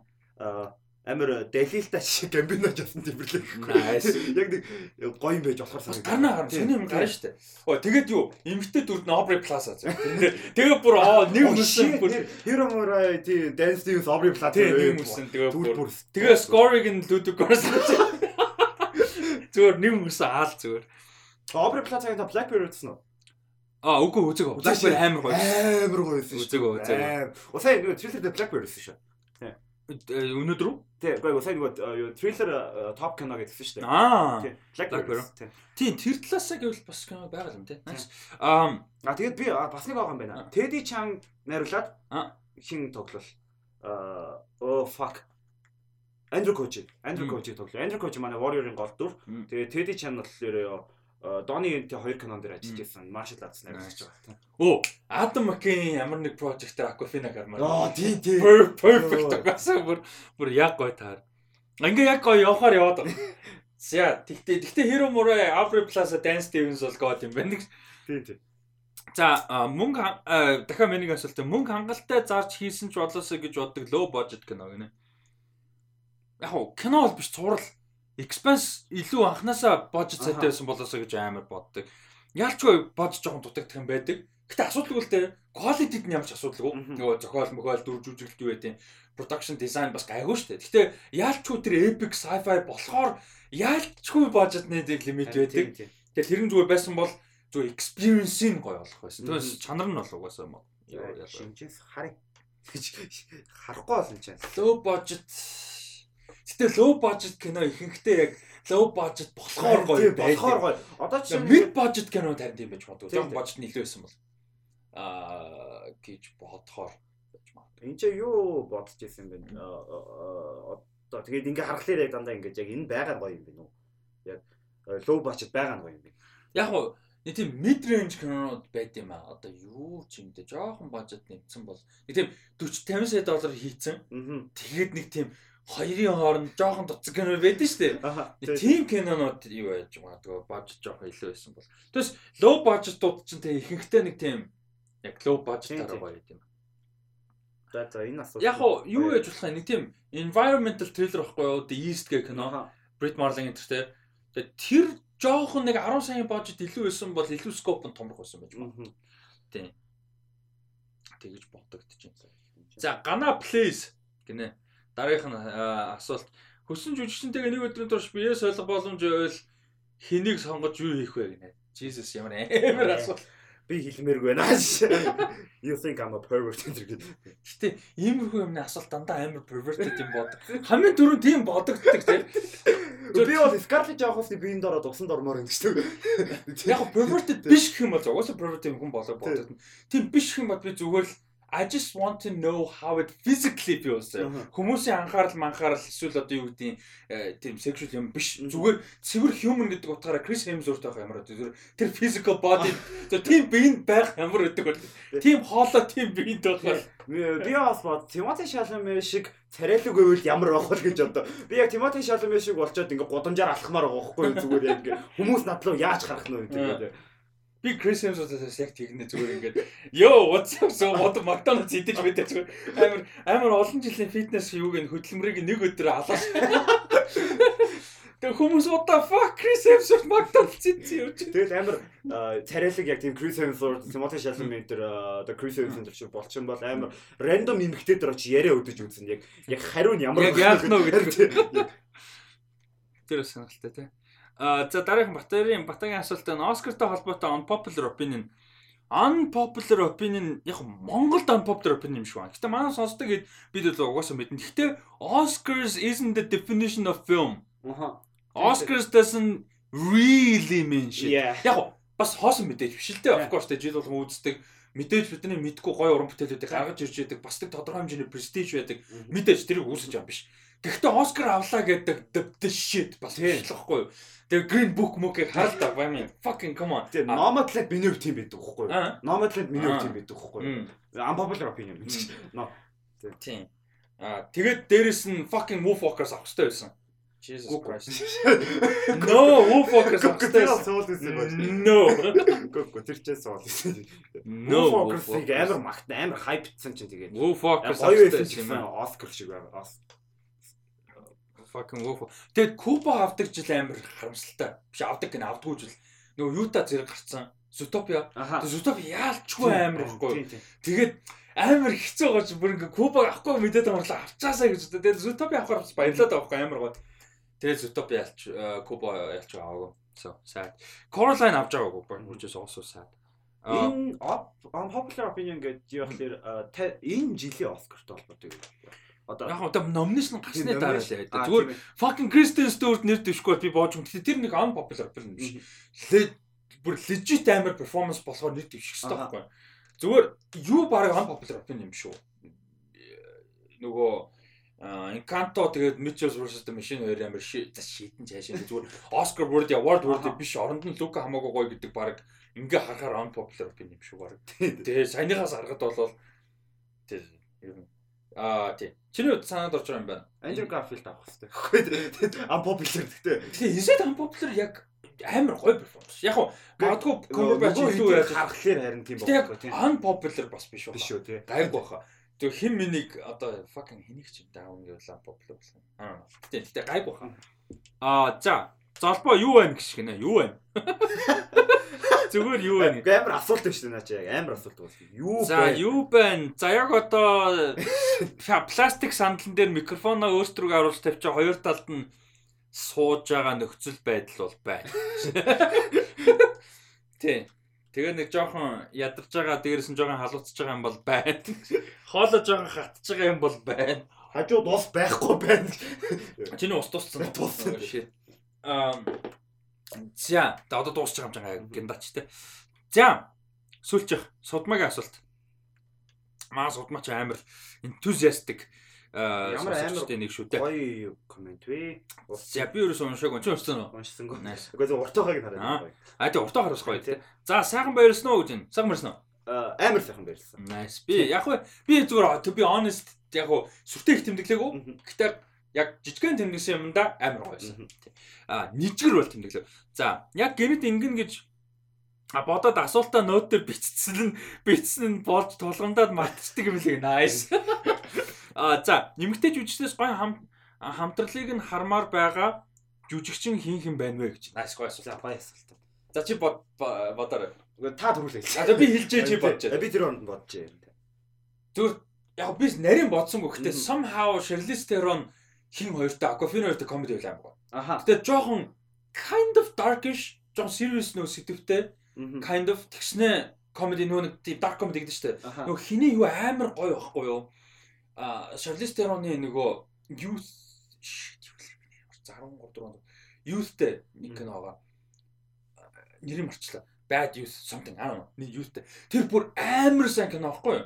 Тэгээ хүмүүс ерөөсөө тэрийг ярьдгүү амар underrated young adult юм. Young adult fucking yeah young adult. Наа чи бүр амар сайн кино зөө. Дээр бүр амар мундаг. Амар sad кино гэхдээ бүр hilarious as fuck кино аахгүй. Тэгээд Акуфен угаасаа инээдэг бид. Гэтэ зүгээр инээдэгээс гадна ямар амар драматик мундаг жүжигчин бэ гэдгийг юугаар farewell farewell хам full drama performance шүү дээ. Тэгэнгүүт нэг тийм dark comedy үзмээр байгаа байхгүй. Шарлиз дээр миний хоёртой. Тийм амар том бажет биш. Нэг тийм тэрүүхэн тэндээ зөвүүн сэдв хүндсэн dark comedy бол амар гоё. Өөр чамд би өөр бас ганц хоёр бодъё. Энэ амар гоё асуулт. Аа, Elizabeth Moss нэг тийм бас нэг тиймэрхүү. Яг нэг өөрөө тиймэрхүү. Яг нэг тийм. Гэтэ байж Scarlett Johansson байж болов гой санагдаад байна. Яг нэг тийм амар драма, амар драма яг тэр хоёртой нэг тийм дэвэл. Scarlett Johansson чадахгүй биш шүү дээ. Бүр алан шүү дээ. Нэг амар драма үзмээр байхгүй Scarlett Johansson бүр яг. Яг хоо marriage дээр гоё байсан л да. Амар шүү. Тэгээд яг нэг тиймэрхүү хөхтэй тэрнээс арай хүнд бүр. Тэр дээр Elizabeth Moss нэмэгдээд тийм их гоё юу амар гоё байсан. Нөгөө Вики Кристина Барселонагийн кино байдаг байхгүй 2008 онд гэсэн Woody Allen-ы аа оо Хавьер Бардем, Ребека Холл, Скарлетт Жоханссон тэгээ Пенелопе Круз амар каста Пенелопе Круз Оскар авсан.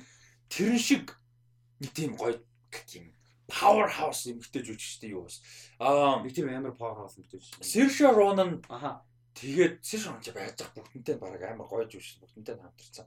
Гэтэ Сэрша Ронан нэг тийм од хүн нэг тийм generally нөгөө драма кинон тоглодог ч юм уу дандаа том кинон тоглодог нэг тийм fucking Zendaya ч юм нэг те яг Florence Pugh ч юм Florence Pugh хамтарсан те.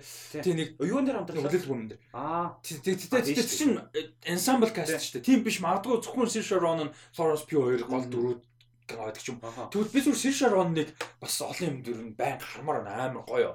Тэгэд хэнийг би жоохон нэг тийм critically гоё юм бас хармаар байна. Зөөс алдаанаг.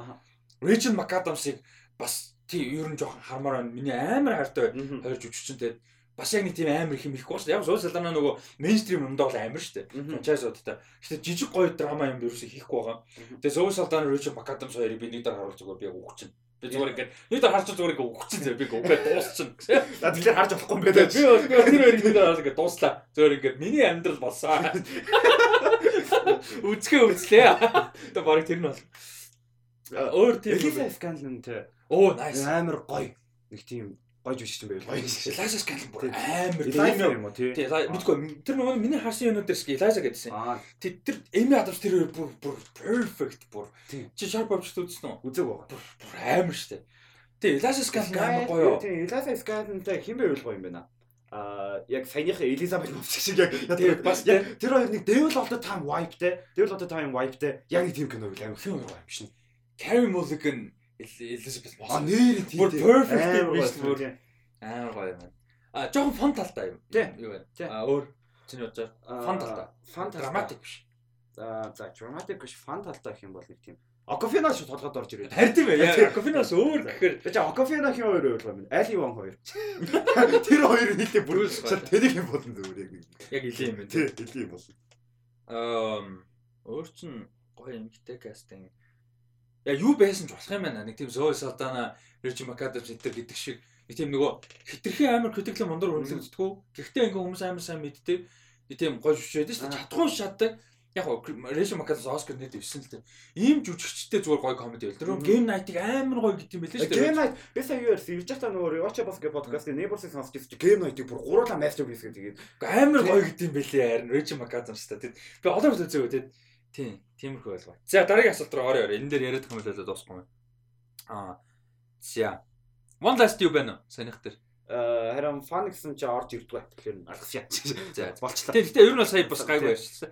Аа За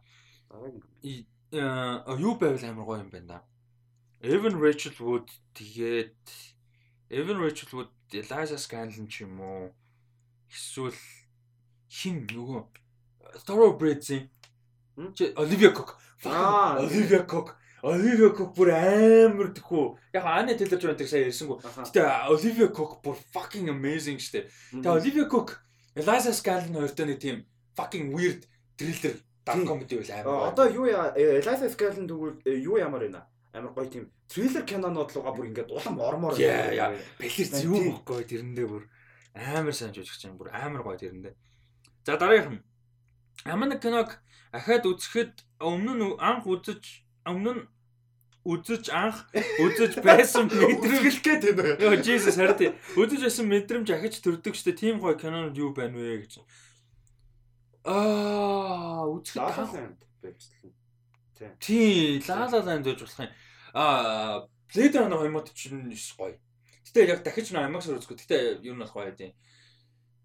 Э Guardians гоё. Guardians нэг бүр бүр дандаа гоё гэдэг. Бүр яг ингээ үзэх болгонд яг тэр нэг анх үзсэн мэдрэмж бүр би зүгээр нөгөө ярьж дээ. Анх үзснээ мэддгүү кинонууд.